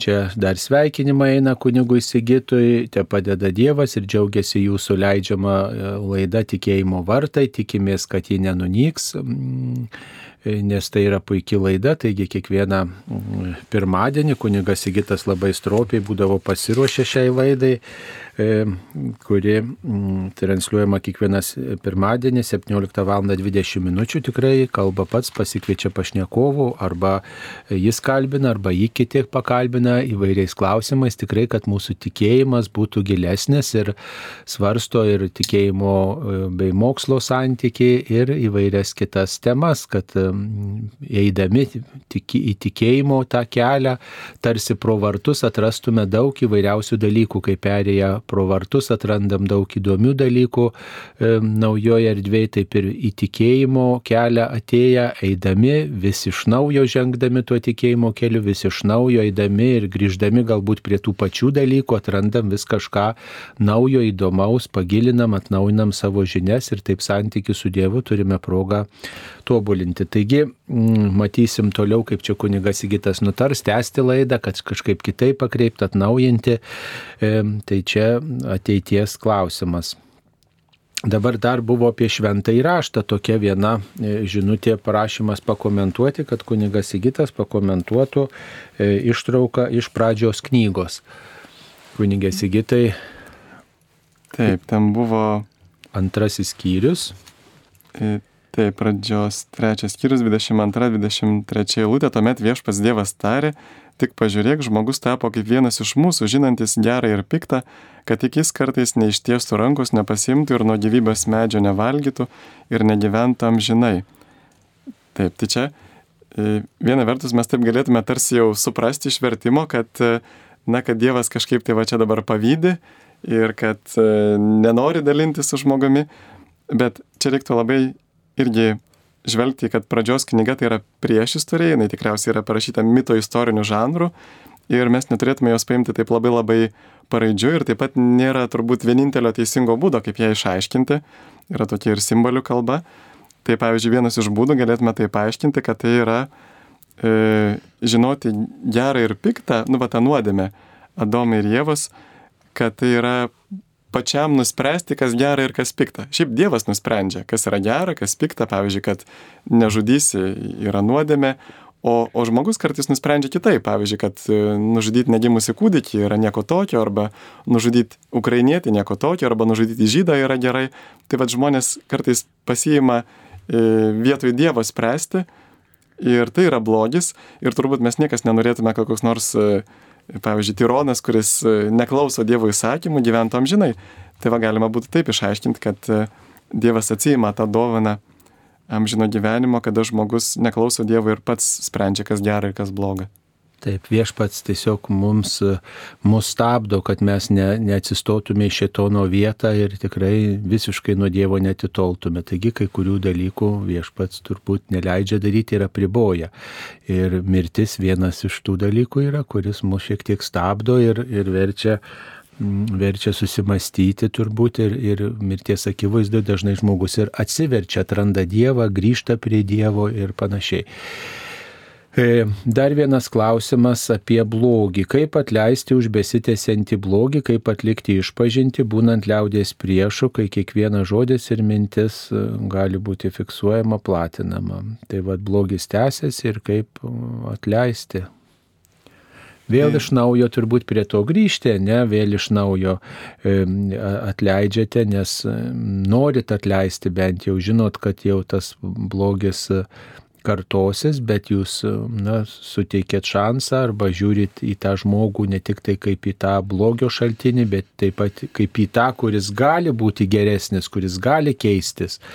Ir, ir išpažinti atliekam nesvarbu, ar mes priešai, ar liaudės, neliaudės, ar kokie bebūtume, ateinam ir ateinam kaip nusidėliai ir viskas, kunigas išklauso mus ir jeigu mato, kad mes gailimės, kad norim taisyti, skilti ir, ir mes naują pradžią ga, galime, o atliekam atleidimas tai yra nuolat besitęsiantis darbas, čia yra kaip kilimas, mm, žinot, spiraliniais laiptais tokiais, kurie Raudos jau pakila iki viršaus, bet ir vėl žiūrėk, nusileidai tais pačiais laiptais žemyn ir vėl turi iš naujo pradėti. Tai nepavargt atleisti, mes skaitom šventam rašte, kad reikia 77 kartus atleisti, reiškia nuolat, nuolat būti pasirengus. Nepavyksta, bet norėti to atleidimo, norėti, norėti, kad būtų kitaip. Dabar negaliu atleisti galbūt, per sunku, per skaudu, bet vėliau atleisiu. Dar galime pridėti, kad net leisti tai yra tas pats kaip išgerti nuodų ir tikėtis, kad numirs kitas, bet tu iš tikrųjų pats išgeri nuodus. Tai patį žmogų išlaisvina atleidimas ir be to, e, kaip ir tėvė mūsų maldoja, kad atleisk, kaip ir mes atleidžiame savo kaltininkams. Iš tikrųjų, netleidimas yra netgi savotiškai tokia, kaip ir galima galbūt net priskirti prie nuodėmę, prie šventąją dvasę, nes, nu, jeigu aš ne, nedalinu Dievo gailestingumo kitam, aš ir pats negaliu jo priimti, va kaip tam palyginime apie kur 10 tūkstančių buvo talentų pasakiškas sumas skolingas ir ten 100 denarų. Ir štai Dievas mums dovanoja pasakišką sumą, o mes nenorim kažkokių tai smulkmenų atleisti. Nu, palyginti su tuo, kiek mums Dievas per gyvenimą yra atleidęs, kiek yra susikaupę per mūsų visus gyvenimo metus nuodėmių, tai tikrai tada gali, taip. Ir žmogus turbūt, e, kuris klausė, jisai tą supranta ir galbūt nori atleisti, jisai e, ir dauguma žmonių nori atleisti, bet e, yra pačiame viduje, va tas yra, pats žmogus supranta, kad nėra gerai neatleisti kad pats savo labiausiai ir kenkia net leisdamas, bet kaip sukovoti vat, su tuo viduje to tokiu ta tokia būsena, kuri vat, stovi užsispyrusi ir nenori atleisti. Čia vat yra Teresė Vilietė šventoje pasakiusi, kad atleidimo dovana Dievas duoda gilesnėje maldoje. Ir man čia labai patinka toks palyginimas, va įsivaizduokim, jeigu aš turėčiau 20 eurų ir iš manęs kažkas pavoktų 10 eurų, tai aš turbūt labai supykčiau, nes, nu, tai yra pusė mano turto pavogė. Bet jeigu aš turėčiau milijoną ir kažkas iš manęs pavoktų 10, tai aš nekreipčiau dėmesio. Tai lygiai taip pat, jeigu mes leidžiam Dievui mus apdovanoti, ramybę, meilę, džiaugsmų, gailestingumu, jeigu mes pakankamai skiriam laiko maldai, kad Dievas mus apdovanotų savo malonės turtais, tai tie įžeidimai mūsų per daug nevargina. Nu, kaip ir va, Šventas Pranciškus sakydavo, kad e, šetonas nori labiausiai žmogaus atimti džiaugsmą, nes kada žmogus yra džiaugsmingas, tai jis per daug nekreipia dėmesio į visokius įžeidimus, bet kada praranda džiaugsmą, tai dėl kiekvienos smulkmenos e, baisiausiai įsižeidžia. Tai Tai vadinasi visada, e, visada stengtis kelti širdį į dangų ir, nu, ir sąmoningai, sąmoningai suprasti, kiek esam daug apdovanoti, kiek daug yra Dievas dėl mūsų padaręs, e, kiek daug mums suteikęs ir, ir vėl gal imti Faustinos maldą už pagrindą per tą maldos prašy, prašant gailesti, gailestingo širdies, gailestingo žvilgsnio, gailestingų rankų, gailestingų kojų, gal e, vis tiek malda, nu, nu, manau, kad e, ką, e, ką ir mes išskaitome iš šventųjų raštų, kur jie dalyjasi iš jų pasidalinimo, kad iš jų patirties, kad malda už tą, kuri, kuris mane įskaudino, E, irgi yra labai veiksmingas širdies gydimas. Ta prasme, kad suraskim jėgų sukalbėti dešimt sveika Marija už tą žmogų, kuris mane vargina, kuris mane skaudina ir matysit bus pokytis. Taip, pokytis mums jūsų paskambino. Skambina klausytojas paskambino? Juozas iš Kauno. Taip, Juozai, klauskite, jūs eteryje Garbėjau žiūrėkit. per amžius. Nu, čia, žinot, yra tokia Kaune laida, laida, reiškia, radijos stotis, čia visiems gerai žinoma, aš jos nevardinsiu. Tai tas laidos vedėjas dažnai komentuoja tokį dalyką, kad, e, reiškia, žmo, kada motinos iššiose būna vaisius, tai su, su pirmu širdies potimu ten e, įeina tik tada, reiškia, žmogaus siela.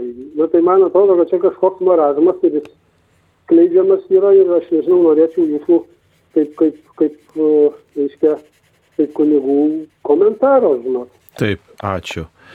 Na tai yra įrodyta, kad gyvybė e, prasideda nuo jos gyvybė, e, reiškia, iščiose yra nuo jos prasidėjimo momento, kad tai yra žmogus ir, ir nuo to yra ir siela žmoguje, kaip jinai vystosi, auga, nėra tokių žinių ir turbūt nėra tikslo, e, taip sakant, svarstyti, nes tai yra nuo mūsų akių tiesiog uždengta, mes tiesiog priimame kaip dovana, kad e, žmogus, visas žmogus yra nuo jo prasidėjimo momento iki natūralios mirties ir su kūnu ir siela ir, ir taip pat, kai mes matom tos sielos buvimo požymius, kai, kai mes matom, e, patiriam, išgyvenam ir net tada, kai, atrodo, žmogus nereaguoja. Pavyzdžiui, kad ir mirties akivaizdoje, kai sunkiai serga, sako, a, jis jau daržovė, jis nieko negirdi, nieko nesupranta, nieko negali pasakyti, bet vis tiek mes esam kviečiami nenustoti jo mylėti, gerbti, nes žinom, kad e, tai yra Dievo paveikslas ir panašumas žmogus ir, ir e, ta gyvybė gerbiama yra ir taip pat gerbiama ir, ir, ir, ir ne tik kūnas, bet ir siela tame žmoguje. Tai e, tas dva, dvasinis pradas žmoguje. Tai Taip ir, ir e, galima netgi žvelgti į, į, į tą pačią, žo, to paties žodžio sielą e, reikšmę, nes tai yra gyvybė. Taigi, kada žmogus yra gyvas, tada ir, ir turi tą gyvybę, tą dvasinę gyvybės sielą.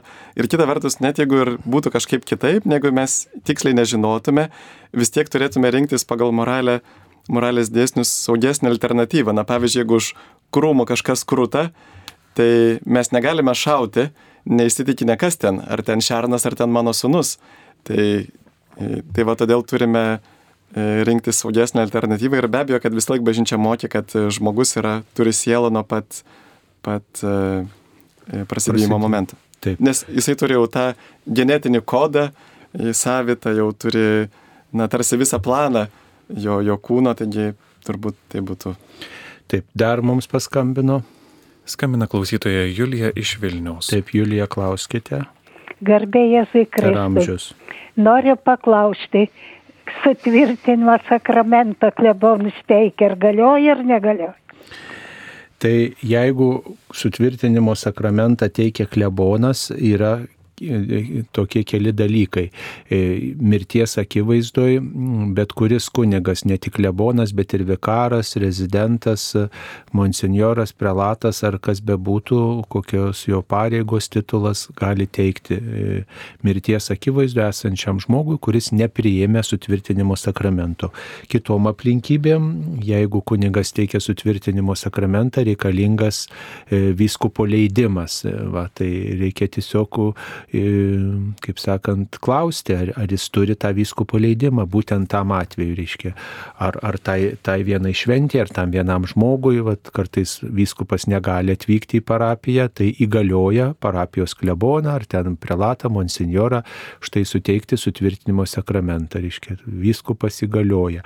Mm kitą kunigą teikti sutvirtinimo sakramentą ir tai bus padaryta galiojančiai. Tačiau jeigu be įgaliojimo tą daro, tai tada jau negerai, reikia tada pranešti vyskupui apie tokius atvejus. Taip, dar žiūrime, kokios žinutės mums yra atsiustos štai apie Jėzų Kristų. Ar žodžiai Dievas, Kristus, Jėzus tą patį reiškia? Klausiu, ne žodį Dievas naudojame ir kalbėdami apie kitus tikėjimus. Na, aišku, mes tai, ką vadiname Dievu, yra, mes suvokiame, kad tai yra e, esantis virš laiko ir erdvės, e, neįsivaizduojamai be galo galingas, visagalis, e, viso ko pradžia, viso ko kuriejas. E, ir aišku, mes visos religijos, ne, ne visos, bet daugelis religijų jos skirtingai vaizduoja Dievą, bet, na, kai kurios monoteistinės religijos ir tarp kitko irgi ne visos yra monoteistinės, kurios pripažįsta vieną Dievą, tai tik tai krikščionybė, judaizmas, islamas, tai mes suvokime, kad štai jis yra visagalis visatos kuriejas, kitos religijos to nesuvokia, bet kartu Jėzus Kristus jis dar atnešė mums tokį apreiškimą apie tai, koks yra Dievas. Mes, pavyzdžiui, iš kūrinių galim, na, šitą galim pažinti, bet, bet kaip Jėzus pats sako, kad tik tai sunus yra matęs tėvą ir, ir tik tai jisai jį pažįsta. Tai vad, krikščionybė yra tuo savita, kad mes tikime Dievą trejybėje, reiškia, kad tas Dievas nėra vienišas, jis yra meilė, o meilė reikia asmenų bendrystės ir bažnyčia va taip e, po truputį įtvirtino netgi dogmos įtikėjimo išpažinime, kad tiek Jėzus Kristus, tiek šventoji dvasia yra taip pat e, švenčiausios trybės asmenis, tos pačios prigimties su Dievu. E, tai yra vienas Dievas. Taigi mes Jėzų tikrai galim vadinti Dievu ir jis yra Dievas. Nes jeigu jis nebūtų Dievas, mes tuomet, kaip sako Paštalas Paulius, liktume savo nuodėmėse, mūsų nuodėmės negalėtų būti atleistos Taip, Jėzus yra įsikūnijęs Dievo sūnus. E, su dievystė, e, visa pilna dievystė kaip ir tėvas, bet Jėzuje yra ir, ir žmogystė, tai Jėzus yra mūsų brolis. O Kristus tai yra Jėzaus titulas, reiškia Mesijas, Jėzus yra Kristus. Arba kaip mums įprasta sakyti, Jėzus Kristus. Tai Jėzus yra Mesijas, visų gelbėtojas, visų žmonių gelbėtojas. Žodis Kristus reiškia Mesijas, o Mesijas suprantam kaip gelbėtoja, kuris atėjo išgelbėti visų žmonių iš jų nuodėmių, iš jų paklydimų. Tai Jėzuje Kristuje susitinka Dievas ir žmogus ir taip mes suprantam, priimam, kad per Jėzaus istoriją asmenį Dievas labiausiai prie mūsų priartėjo, prie kiekvieno žmogaus, nes e, istorijoje iki tol niekada Dievas nebuvo prisėmę žmogaus prigimties, nebuvo taip arti žmogaus ir niekada istorijoje Dievas nenumirė už žmogų, už jo nuodėmės, kad dovanotų gyvenimą be pabaigos. Taigi mes dėl to ir tikim Jėzų, mylim Jėzų, melžiamės Jėzui, sekam juo, nes jis parodė kelią pas Dievą. Sekdami paskui Jėzų mes pažįstam, koks yra Dievas ir ruošiamės bendrystėj su Dievu amžinybėje. Taip, tai dar žiūrime, kas čia mums atsiusta. Taip įvairių padėkų atsiusta ir taip pat atsiusta sveikinimų kunigui Sigitui. Taigi dėkojame, e, kad kunigė Sigitė jūs apsisprendėt, e, sutikote būti Marijos radio programų direktorium ir dar keletą žodžių tarkime apie e, Marijos radiją, apie Marijos radijo gyvavimą. Tai kaip žinot, Marijos radijas gyvuoja Lietuvoje nuo 2004 metų ir transliuoja ištisai, ištisą ištisą parą savo programą, visą savaitę. Yra diena laidos, kurios, kaip sakoma, originalios laidos, o naktį arba savaitgalį, ypatingai sekmadienį, kai kurios laidos yra kartojamos. Aišku, dar ir tai turbūt ne visi žmonės suspėja tų pakarto, kartojamų laidų išgirsti. Tai vasaros metu mes, taip jau nuo seno įprasta, kad kartojame seniau laidas buvusias, nu, per metus, kurios laidos buvo, kur ar įdomesnės, ar, ar tiesiog žiūrim toj rubriko iš eilės, kokios laidos buvo, mėginam pakartoti, tam, kad galėtume grįžti prie tų temų, kurios buvo ir kad galėtume tiesiog iš naujo pasi galbūt kitų žvilgsnių pažiūrėti į tai, kas buvo anksčiau pasakyta ir tai yra proga proga svarstyti įvairius tikėjimo klausimus. E, ir visas laidas rengia savanoriai, e, nėra tokių laidų vedėjų, už kuriam būtų mokamas atlygis. Taigi čia yra savanorių radijas, kaip ir pasaulyje, taip ir Lietuvoje.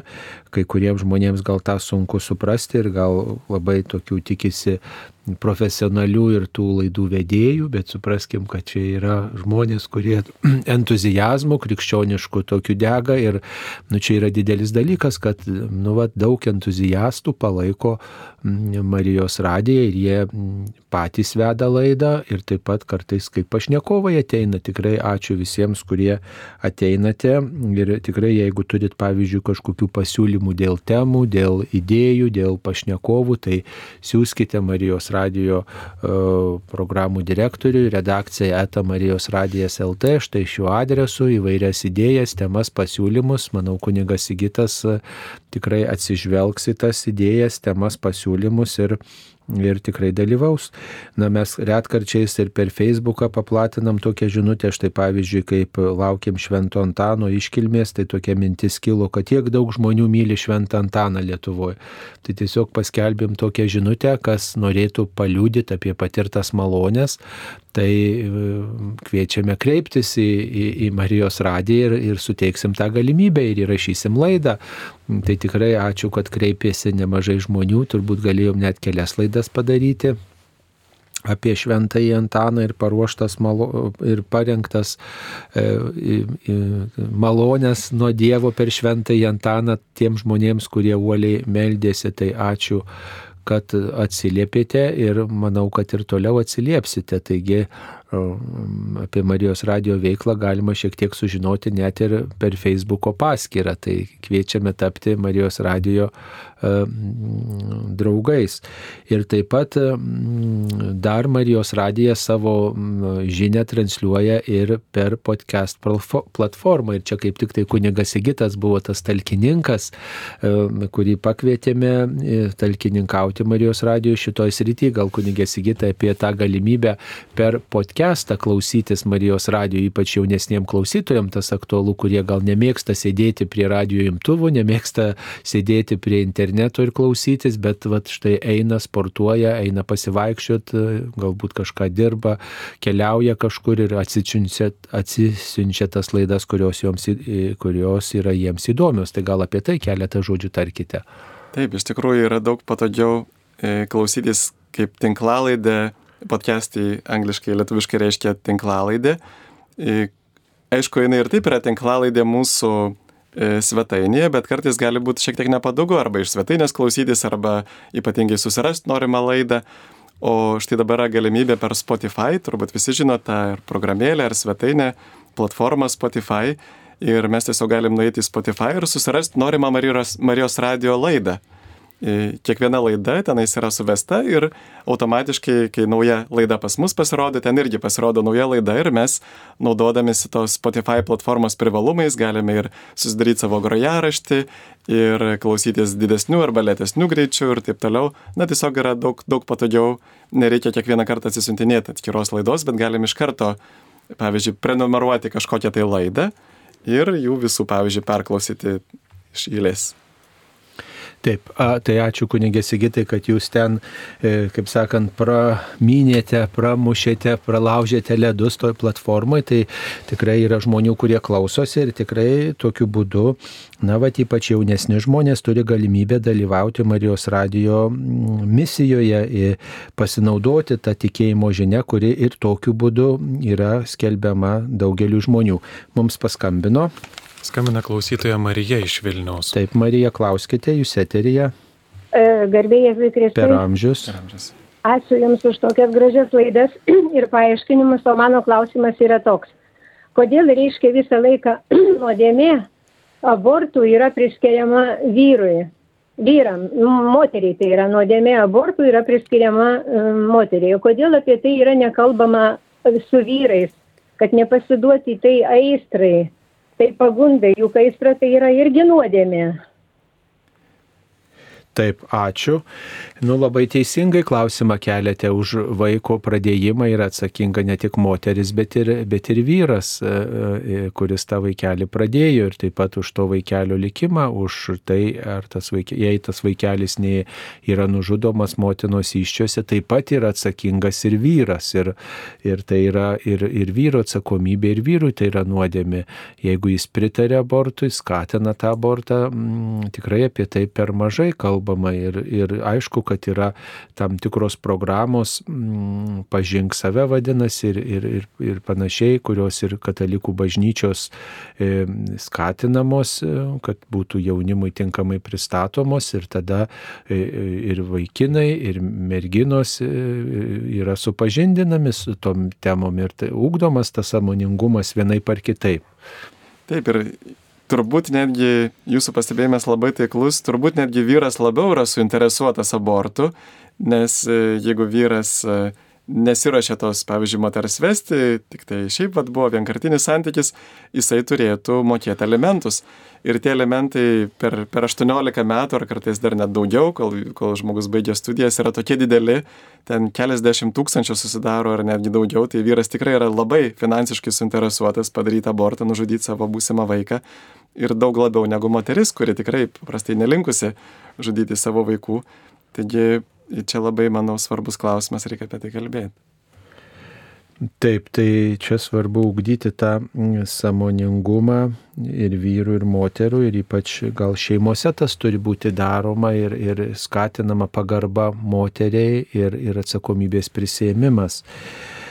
E, tai... Ir vakas iš tikrųjų yra nerima kelinti tendencija, kad e, iš pradžių abortai, na, jie ir atsirado tokiuose komunistinėse šalise, tai pirmiausia Sovietų, Lenino Rusijoje ir, ir paskui e, tose visose sovietinėse komunistinėse šalise, tai yra kaip, e, pavyzdžiui, Kinija, ten Kuba, bet šiais laikais ta tokia, e, ta ideologija, marksistinė ideologija, jinai ateina labai stipriai į vakarus. Ir pavyzdžiui, vat, Kanadoje yra padarytas abortas iki pat e, gimimo leidžiamas reiškia, kad vat, net ir 9 mėnesių vaikelį jam galima padaryti abortą. E, netgi kai kur svarstama, kad net ir po gimimo galima kažkokį tai vos ne abortą padaryti. Na tai žodžiu, tai ateina tos komunistinės tokios nepagarba gyvybei, jie ateina ir į vakarus ir tai, tai iš tikrųjų reikėtų kažką daryti ir mums. Taip, dar viena žinutė yra apie, e, apie nuometą. Kai tuokėsi nuotak, kai tuokėsi nuotaka ir jaunikis, vienos nuotakos dėvi nuometus, o kitos ne. Ar krikščioniškoje tradicijoje nuometas turi kokią nors prasme? Tai e, aišku, kad e, čia yra toks truputį ne tik krikščioniškas paprotys, nes nuometas ne tik papuošalas yra moteriai, bet taip pat dengia plaukus dažniausiai. Ir plaukai toks moteriškumo simbolis nuo seno yra buvęs laikomas, ne, kad gražus plaukai tai yra moters puošmena ir tokiu būdu moteris gal patraukia vyrų dėmesį savo gražiais plaukais ir šukuosena ir mm, štai nuotaka papuošia savo plaukus ir štai nuotaka nuometa nusima tik tai savo jaunikiui, jaunikio akivaizdoj.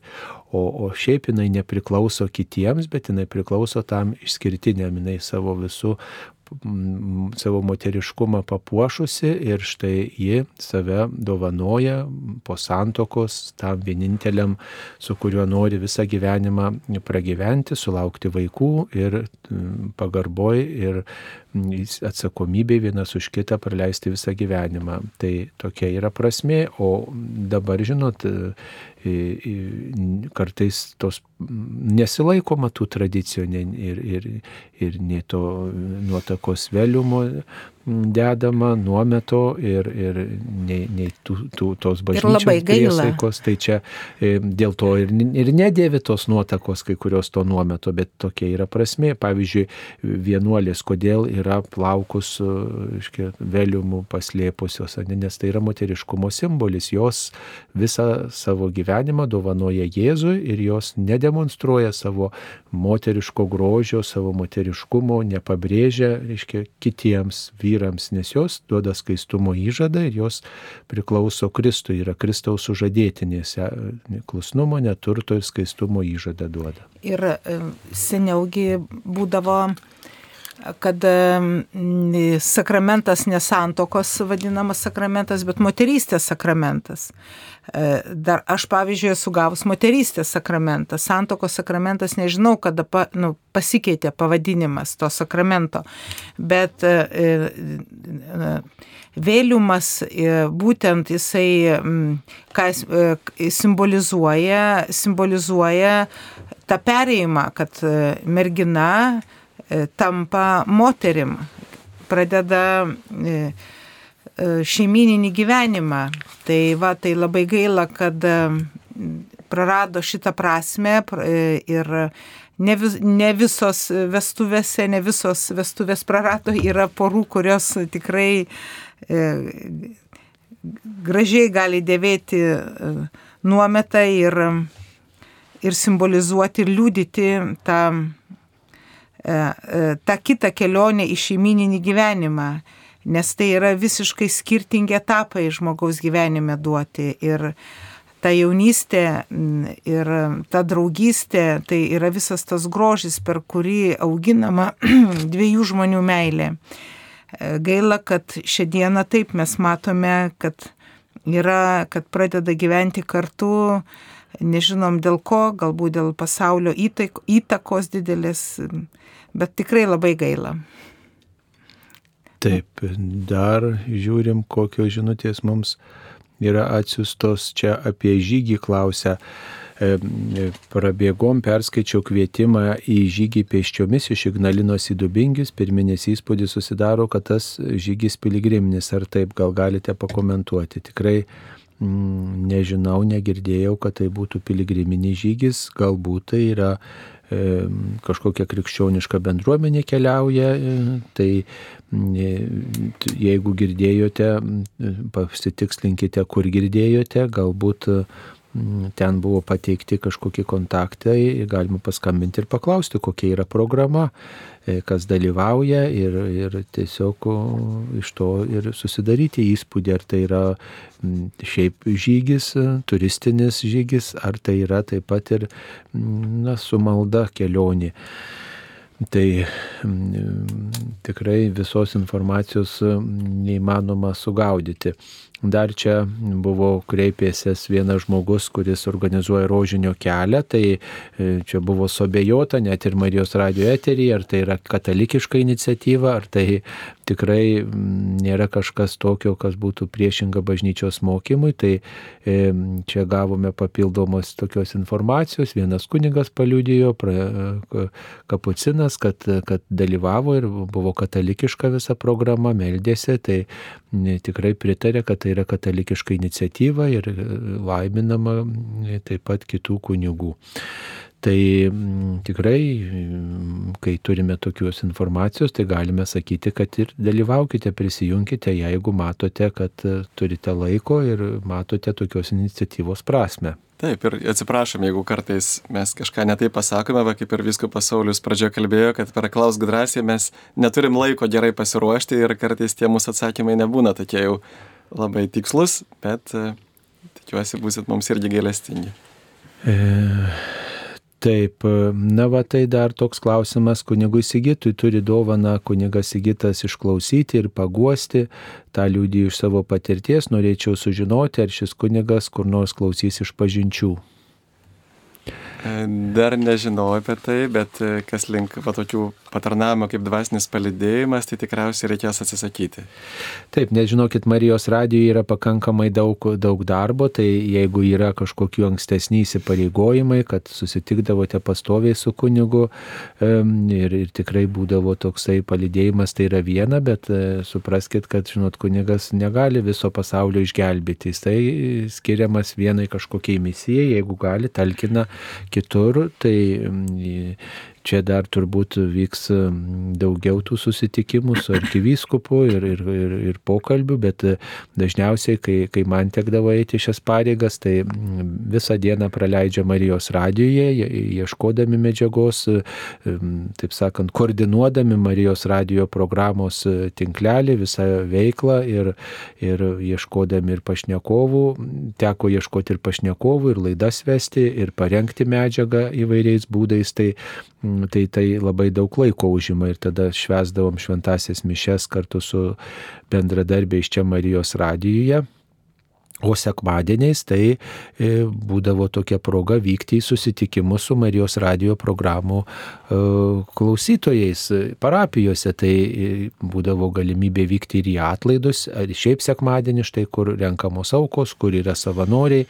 Ten nuvažiuoja ir Marijos radio programų direktorius padėkoja žmonėms už aukas asmeniškai, susitinka, kai, kai kada atsako į klausimus, susitinka su vienu ar kitu kunigu, tada yra proga galbūt ir pakviesti laidoje dalyvauti keliauti, galbūt pažinti šiek tiek kraštą, pažinti ir kokie atlaidai, kokios šventės yra, proga tada ir susitikti su kitais žmonėmis, kurie gal vėliau vienaip ar kitaip įsijungia į Marijos radio veiklą. Tai, e, žodžiu, galimybė va, tokiu būdu yra ir pažinti ir Lietuvą, ir, ir ne tik tai Kauno arkiviskupiją, bet ir kitus kraštus, nes Marijos radijas girdimas visoje Lietuvoje ir turbūt visiems Marijos radio klausytojams jiems malonu susitikti su tuo kunigu, kurio balsą girdi, kurio žinią priima ir tiesiog galbūt kažko paklausti, asmeniškai padėkoti, pasidalinti kažko, kažkokiomis mintimis. Ir aš sakyčiau, ir kunigui yra džiaugsmas, didelis džiaugsmas susitikti su įvairiais žmonėmis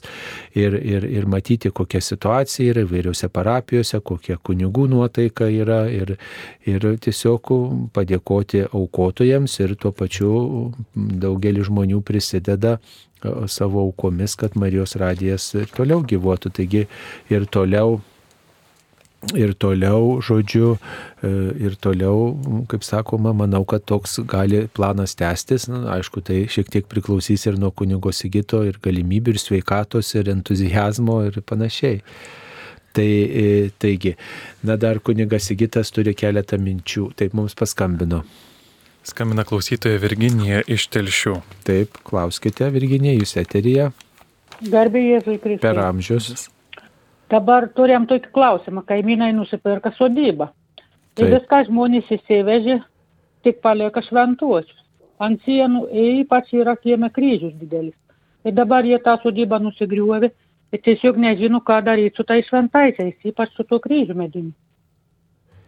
Su mediniu kryžiu daryti. Nu tai, Jo o ko, kieme buvo didelis medinis kryžius. taip, nu tai tegul stovi tas kryžius, ar jį reikia nugriauti? Nu ką, jie visą sodybą ten nugriuovė, nori statyti viską naujai. Ir tas šventuosius paveikslus ant sienos yra palikę. Ir tiesiog nežino, ką jie daryti su jais. Nu tai tegul stovi kryžius, kryžius, jeigu įtikėjimo ženklas yra ir čia tiesiog priminimas, kad ir anksčiau čia žmonės gyveno, istoriją turėjo ir, ir, ir galima tą kryžių ir, kaip čia pasakyti, suremontuoti, restauruoti ir atnaujinti kažkokiu būdu. Tai yra labai gražu žinoti, kad prieš mus čia gyveno tikinti žmonės. Kryžius, sakytume, palaiminimo ženklas namams ir, ir, ir yra ir kultūrinis, tiesiog istorijos tam tikras priminimas, kad susijęs su tam tikra istorija ir tai labai, labai yra gražu, kad kažkoks ankstesnių gyventojų ženklas, ypatingai tikėjimo, kultūros e, ženklas, kad štai vat, čia gyveno maldo žmonės, jiems buvo svarbu, aš tai jokių būdų nei, nei nugriaučiau to kryžiaus, nei aš tų paveikslų išmeščiau, nei, nei, nei sudeginčiau, galbūt jie nėra meniški, bet sakyčiau, sodyboje, kad ir naujam name galima surasti kažkokį kampelį, vietelę, kur tarsi muziejus gali būti, va toksai, ne čia ankstesnių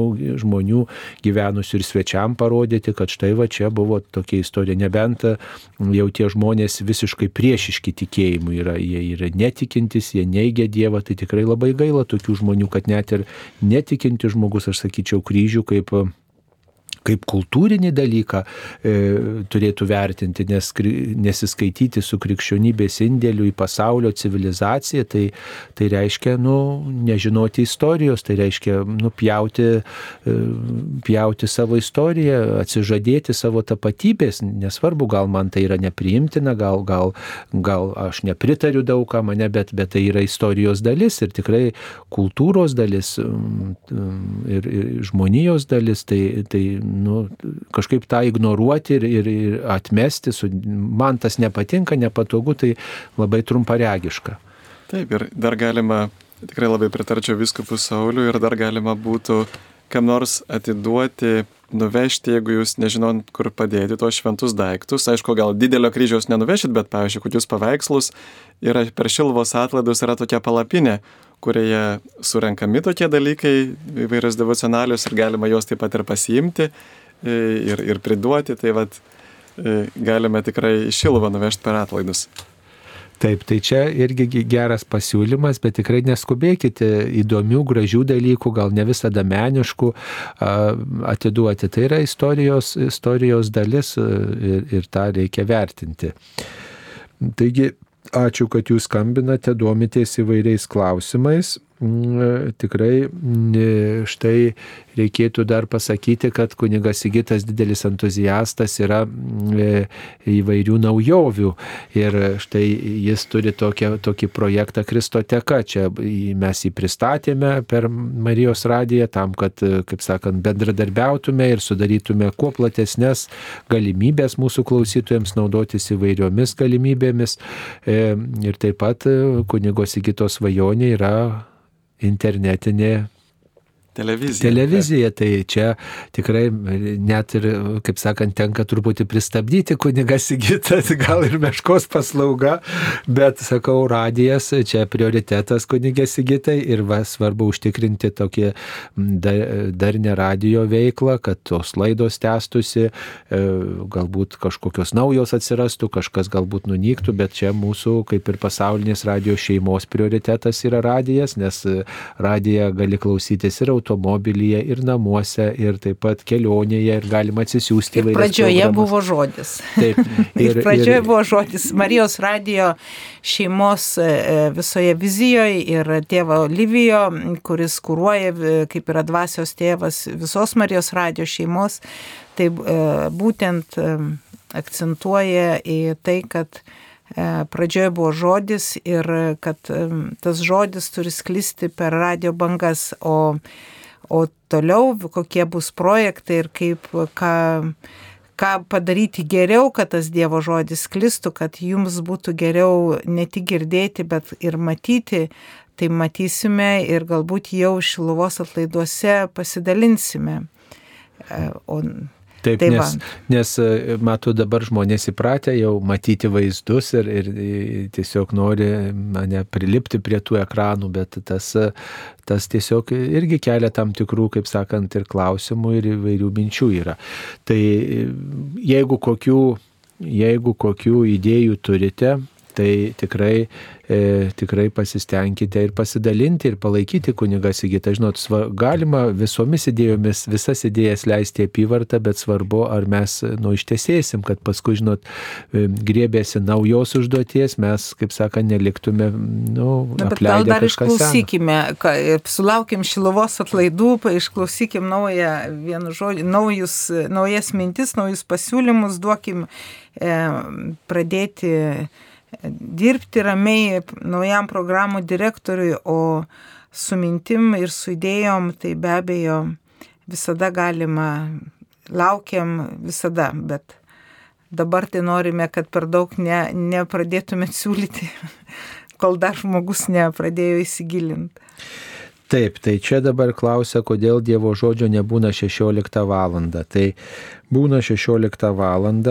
tik tai sekmadieniais ir ir šeštadieniai 16 val. Dievo žodžio nebūna, nes e, numatytos laidos, kitos laidos, bet galima kitų laikų klausytis Dievo žodį iš ryto 8 e,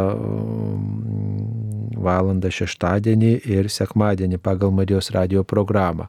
Ir Dievo žodis būna sekmadienį, kadangi transliuojame dviejas mišes trejas mišės sekmadienį, tai jūs Dievo žodį jau girdi tris kart e, vien per mišes ir atskirai dar yra Dievo žodis irgi transliuojamas. E, Vakare 19 val. 40 minučių. Taip. Tai yra tokia, tokios galimybės štai ryte ir vakare klausytis, o 16 val. tai čia toks papildomas laikas. Taip, na, e, džiaugiamės, kad jūs klausotės Marijos radijo ir turite įvairiausių minčių. Ir dėkojame jums, dėkojame jums, mėlyjeji, dar kartą tikrai norime pasidžiaugti, kad vis dėlto mes 19 metų esame girdimi ir artėja mūsų 20 metų e, sukaktis, kaip Marijos radijas yra girdimas Lietuvoje.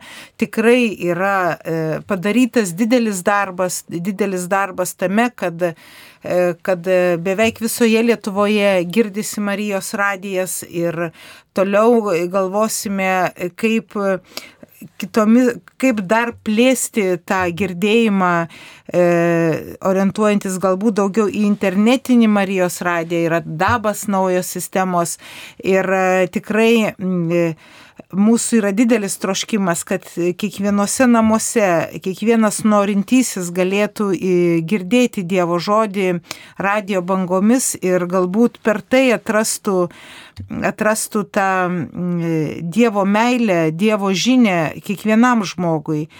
Tai dėkojame už jūsų irgi maldas ir, ir prašome junkitės, junkitės į rožinio maldas, junkitės į naktinės adoracijos maldas. Jos yra labai reikalingos tam, kad e, reikalingos pačios bažnyčios gyvavimui ir taip pat ir Marijos radio gyvavimui ir reikalingos ir mūsų širdžių e, gyvybei, tams, e, kad jos būtų kuo daugiau atvertos priimti Dievo malonės, dovanojamas, dovanojamas dangaus. Ir kartu nepamirškime, kad Marijos radijas vis dėlto, kaip bebūtų, maldos labai reikalingos, už jas jums dėkojame, bet sąskaitos mums keliauja kas mėnesį.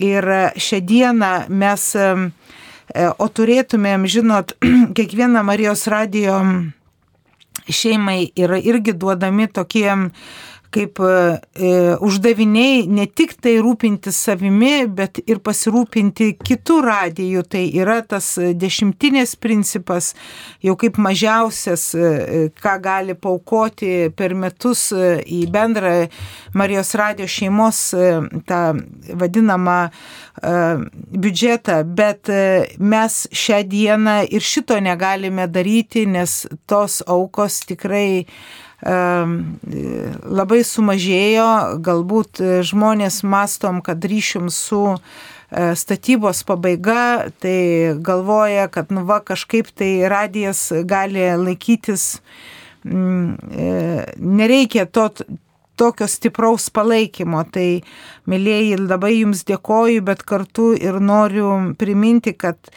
mes tikime, kad ir toliau radijas bus girdimas ir tikime jūsų širdies dosnumu ir kartu melžiame jums ir jūsų šeimoms, vat, kaip, kaip ir minėjo viskupas Saulis ir tomis dienomis, kada mišios transliuojamos iš Marijos radio koplyčios ir ypatingai Šiluvoje 13 dieną E, programų direktorius, seniau viskupas Saulis, dabar kunigas Sigitas, e, meldžiasi būtent aukotojų intencijomis, aukotojų dėkodami e, už visus aukotojus, kurių dėka mes galime girdėti Marijos radiją. Taigi ačiū, kad jūs klausotės, kad jūs prisidedate prie Marijos radio gyvavimo ir tikrai galbūt jaunesnius Marijos radio klausytojus trikdo, kad e, per Marijos radiją sklinda labai daug maldos. Tai čia yra tokia pasaulinė Marijos radio praktika, e, kad tai yra maldos radijas ir tikrai mm, maždaug kokias 6, 7 ar net 8 valandas per dieną skiriama įvairioms maldoms, nes tai yra vienintelis radijas, e, kuris kviečia į maldą, kuris primena apie maldą ir kuris sudaro sąlygas galbūt melstis žmonėms. Tai ir galbūt ne visada gal jaunesniems klausytojams priimtina, pavyzdžiui, melstis rožinį kartu su Marijos radiju, bet tai yra priminimas, kad yra tokia malda, kad štai va žmonės. Kad reikia tą daryti, ne tik priminimas, bet kad reikia tą daryti, nesvarbu, jaunas, senas, šeimos turi melstis, šeimos turi kviesti, ypatingai mamos, šeimų mamos, burti savo šeimą, ne kažką kažkaip tai kitaip, bet prie rožinio maldos. Jeigu šeimos bursis prie rožinio maldos ir vaikams nebus e, liūdna klausyti rožinio, tai jeigu vaikams liūdna, tai mes turime aiškinti savo šeimoje, katechizuoti, kas yra rožinio malda. Marija apsireiškusi Lurdė kalbėjo irgi, ką jinai kalbėjo apie rožinio maldą, mokino Bernadetą moki, e, rožinį melstis Fatimoj. Ką sakė Fatimoj Marija? Dėmesio rožinio malda, nebus rožinio maldos, bus dideli, dideli baisumai. Ir tas ir buvo antras pasaulietinis karas. Mes dėkojame jums, mėlyjeji e, klausytojai, kad jūs mylit rožinio maldą ir kad, jūs, kad mes galime e, per eterį transliuoti tris kart gyvai rožinio maldą, tai yra ne, ne įrašą, įrašas maldos, tai yra, nu kaip pasakyti, pats blogiausias dalykas ir mes jo, juo nesidžiaugiam. Bet e, ne visas naktis yra užimtos adoracijom, yra naktis, kur, kur mes tiesiog taip transliuojame naktimis e, rožinio įrašą, kai nėra e, tiesioginių adoracijos transliacijų. O dienos metu vienu, e, prieš mišes 11.30 yra gyva rožinio malda, 14 val. gyva rožinio malda, 19 val. gyva rožinio malda. Ir tai yra tikrai didelė dovana ir padėka tiems e, mūsų savanoriams, kurie e, kurie skiria laiką ir ateina melstis kartu į, į, tiek į mūsų koplyčią, tiek į kitas bažnyčias, iš kurių mes transliuojame rožinio maldą. Ir, ir taip pat džiaugiamės, kad ir jūs jungiatės į, į šią maldą ir, ir kviečiame toliau būti aktyviais aktyviais e, e, maldos mylėtojais ir ypatingai rožinio mylėtojais. Taigi ačiū, mėly Marijos radio klausytojai, kad klausėtės mūsų šioje radio laidoje. Joje pristatėme kunigą Sigitą Jurkštą, kuris e, nuo ateinančios savaitės pradės dirbti Marijos radijoje kaip, Lietuvos, kaip Marijos radio programų direktorius Lietuvoje. Tai Dievas te laimina, kunigė Sigita jūs, jūsų tarnystę ir te padeda jums kūrybingai dar net didesniai Dievo garbė ir žmonių džiaugsmui darbuotis.